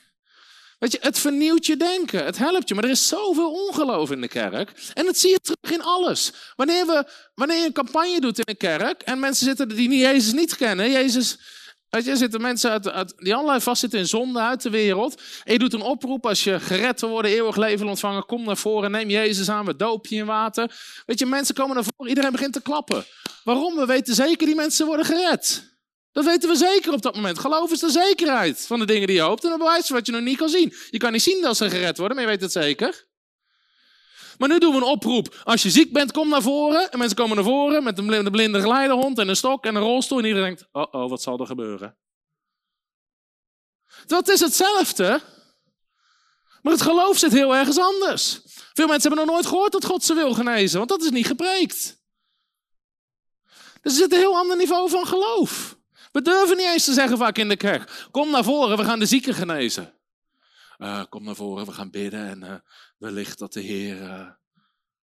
Je ziet gewoon waar het geloof zit. En dan vragen we ons: ja, ja, waarom gebeurt er nog niet zoveel? Nou, het ligt niet aan God. Er is nog zoveel ongeloof en religie wat doorbroken moet worden. En je hebt gewoon mensen nodig die het preken en preken en preken. Ik heb dit al honderd keer gepreekt en ik blijf het nog duizend keer preken. Net zolang tot mensen dit pakken. Want ze moeten hun denken vernieuwen. En er moet gewoon een hele verandering komen. En wat je toen zag met uitverkiezing, ja, God wil wel de een redden en de ander niet. Ja, nu zeggen we, joh, dat is onzin. God wil dat iedereen gered wordt. Maar wat ze verfoeien op het gebied van redding, prediken ze in veel kijken op het gebied van genezing. Uh, ja, God geneest wel de een, maar niet de ander. God bepaalt wie die geneest. God heeft al bepaald wie die genezen heeft, namelijk iedereen. Dus de kerk moet weer gaan staan in autoriteit op het gebied van genezing. We moeten die waarheden van het woord van God weer gaan pakken, weer gaan ontdekken. Het woord van God is waar. En als wij de sleutels gaan ontdekken die God heeft gegeven in zijn woord om hierin te wandelen, gaan we gigantische resultaten zien. Ik kan je voorbeelden geven van mensen uit de geschiedenis die 100% resultaat hadden nagenoeg op het gebied van genezing. Dus het zegt ons iets over dat wij kunnen leren. Ik vertel vaak dat verhaal van John G. Lake, die healing rooms had. In die healing rooms, had een healing room in Zwitserland. Daar mocht je alleen komen als je terminaal ziek was. Dus je had ernstige vorm van kanker, wat, je was terminaal ziek en uitbehandeld. Dus de artsen konden niks meer voor je doen. In andere woorden, we weten dat je binnen korte tijd gaat sterven. Dan mocht je naar die healing room komen. Waarom? John G. Lake had ontdekt, mensen hebben niet altijd genoeg aan één dienst of uh, één keer gebed om te ontvangen wat God voor ze heeft. Want er zitten gewoon allemaal dingen soms die doorbroken moeten worden. Dus als je zo ernstig ziek was en dat was je situatie, mocht je naar die healing room, waar ze constant je hielpen om je denken te vernieuwen. Ze onderwezen het woord van God, ze bouwden je geloof, ze bedienden naar je. In die healing room in Zwitserland kwamen 5500 mensen in een bepaalde periode van tijd. Ze waren allemaal uitbehandeld en, en, en ze zijn allemaal sterven in korte tijd. Van de 5500 zijn er 15 gestorven. Alle anderen zijn boven natuurlijk genezen en naar huis gegaan. Nou, is God veranderd? Nee, helemaal niet. Wij zien het ook met geneescampagnes. Hoe meer tijd je hebt, hoe langer je kan preken, hoe langer je ergens bent, hoe meer wonderen er gebeuren. Je ziet mensen genezen op de derde avond, die de eerste, tweede avond ook al zaten. Maar geloof komt door het horen van het woord. En je zaait het woord. En soms valt het in steenachtige grond, soms valt het in, rotsachtige grond. Maar in één keer valt het in goede aarde en draagt het honderdvoudige vrucht. De gelijkenis van het woord. Het woord is als een medicijn, sla er achter op, het zou genezen zijn door heel je lichaam. Er zijn zoveel sleutels die we weer moeten ontdekken. Maar het woord van God is waar. Het woord van God is waar. Dus ook mijn ervaring en veel andere predikers. Als je maar lang genoeg hebt met iemand, iemand zit lang genoeg onder het woord, krijg je iedereen genezen. Alleen we leven in een tijd van, oh, moet wel snel, moet wel snel. Ik sprak van de week nog iemand, die vroeg ook naar een dienst, ja, eh, wil je even voor die en die bidden? Die zie je. Ik zei, nou, laat maar komen naar de genezingsdienst. Ik had de dienst helemaal niet over genezing gesproken. En dan we zeggen, geloof komt door het horen van het woord. Als ik daar het woord niet over gepreekt heb, is de kans heel klein dat die persoon geloof heeft voor de genezing. En ze komen naar mij toe, dus ik heb het recht om van hun geloof te vragen. Kan je naar de geneesdienst komen? Uh, ja, nee, nee, Rotterdam is wel een eind weg. Je leeft in 2022 en je hebt een Skoda Octavia. Als ze bij Jezus verlamden door het dak konden laten zakken. Waarom zegt in Matthäus 15? Jezus klom de berg op en ze brachten de kreupelen en de blinden bij hem. De berg op. En hier, ja, ja, ja, ik, uh, ik weet het niet hoor, het is toch drie kwartier rijden. Je ziet, mensen hebben niet eens de spirit die ze toen hadden. Mensen begonnen ziek uit heel de omgeving te dragen. Je kon er niet eens achter in je Skoda gooien en gewoon erheen rijden. Die mensen waren dagen aan het lopen. Dat zegt iets over hun geloof. En de verwachting die ze hadden. Nederland is verwend op dit gebied. En daarom gaan we een nieuw pand bouwen en dan gaan we Healing Week doen. En dan alle zieken naar binnen, deur op slot en niemand eruit, tot iedereen gezond is. En we preken heel de dag het woord. En we zorgen dat mensen onder het woord zijn en we bedienen naar ze. En de heerlijkheid van God komt. We gaan zulke grote wonderen zien, halleluja. Maar gewoon een week afblokken. S'morgens, smiddags, avonds. In Zwitserland. Ali is hier, het, uh, Ali komt ook uit Zwitserland. Als we daar de, iets van 25 diensten in vijf dagen. Maar de eerste dagen bedienen we lang niet maar mensen. We preken, preken, preken, preken, preken. En de vierde en vijfde dienst, boem, wonder naar wonder naar wonder naar wonder. De mensen kwamen op naar Jezus om te horen en om genezen te worden. Eén van de sleutels is horen. En een van de sleutels die Nederlanders niet pakken. Is gewoon horen, gewoon onder het woord zitten. Als ik ergens doorbraak op wil hebben in mijn leven, het eerste wat ik doe, ga gewoon onder het woord zitten. Ga preken op zoek, ga eronder zitten, ga eronder zitten. Want ik weet, als het in goede aarde valt, boem, zal er honderdvoudige vrucht zijn. En zolang er geen honderdvoudige vrucht is, ligt het nooit aan God. Het ligt aan de aarde van mijn hart waar het woord van God is ingevallen. Amen. Ben je gezegend door dit onderwijs? Halleluja. Prijs de Heer. Nou, nog bijna binnen de tijd, hoewel we hebben niet echt een eindtijd. Halleluja, geen eindtijd. Lekker doorgaan. We hebben geen eindtijd, maar wel een opname. Zie je dat? nou, ik ervaar echt deze preek ook. Ik wil je uitnodigen, stuur hem naar mensen door. Dit gaat echt iets veranderen bij mensen als ze dit onderwijs horen. Amen. En de kerk moet weer in zijn kracht gaan staan. Amen. Dus ik wil ook zometeen daarvoor gaan bidden. En we gaan vanavond geen offer ophalen. Maar als je gezegend bent, ook online, maar ook in de zaal. Je bent nog geen partner, word partner van Frontrunners. Help ons gewoon met die gratis boeken, met video's. Gewoon dit erin slingeren en er doorheen beuken in Nederland. Amen. Maakt niet uit hoeveel mensen ons bekritiseren, dingen schrijven. We beuken door. Want de waarheid van het woord van God moet gepreekt worden. Amen. Dus als je daarmee wil helpen, word partner. Dan help je ons gewoon om nog meer dit woord van God te verspreiden. Halleluja. Laten we gaan staan. Vader, dank u wel voor het woord wat gesproken is vanavond. Heer, voor de geest van wijsheid en openbaring die erop lag. Heer, we zegenen ook iedereen die hier is. Iedereen die deze opname heeft gehoord, iedereen die het nog gaat horen. Heren, we bidden dat mensen in een autoriteit gaan staan. Dat ze niet alleen hoorders zullen zijn, maar daders zullen zijn. Dat het woord Heer, één woord van u kan ons leven veranderen. Net als bij John G. Lake, die één zo'n woord pakt, alle door duiven, die gaat wandelen op zo'n tekst in geloof. Heer, bid ik dat uit deze preek, uit dit soort diensten, velen zullen opstaan, die zieken zullen genezen. Dat we wonderen zullen zien in ons land, die we nog nooit eerder hebben gezien, Heer. Heer, dat mensen zullen weten dat u, dat Jezus Christus leeft, dat u dezelfde bent gisteren, vandaag en tot in eeuwigheid. Dat de kerk de sleutels van het koninkrijk heeft, Heer. Heer, en dat de wereld zal zien dat we antwoorden hebben, Heer, die zij niet hebben dat we bovennatuurlijke gezondheid zullen hebben. Heer, en dat de kracht van uw Heilige Geest, en we bidden ook gewoon daarvoor, Heer, dat in vele kerken, op vele plekken, Heer, de kracht van uw Heilige Geest zal gaan stromen. Dat religie wordt afgebroken, lauwheid eruit gaat, ongeloof eruit gaat, Heer. En dat we uw heerlijkheid zullen zien in ons land. Daar geloven we voor in de machtige naam van de Heer Jezus Christus. Amen en amen. God zegen, succes met het verwerken en wel thuis. Hallo, Tom de Wol hier en bedankt dat je weer geluisterd hebt naar onze podcast. Ik bid dat het je geloof gebouwd heeft en je bemoedigd bent. Als je niet alleen een luisteraar van onze boodschap wil zijn, maar ook een verspreider daarvan, wil ik je uitnodigen om partner te worden van Frontrunners. Door jouw maandelijkse donatie help je ons om dit evangelie van Jezus Christus en het woord van God over heel de aarde te brengen. Om partner te worden, ga naar www.frontrunnersministries.nl slash partners en word partner. Hartelijk bedankt en tot snel. Heb je ook zo genoten van deze inspirerende boodschap van Tom de Wal? Abonneer je dan op deze podcast. Volg ons op Facebook en op Instagram en kijk op onze website frontrunnersministries.nl.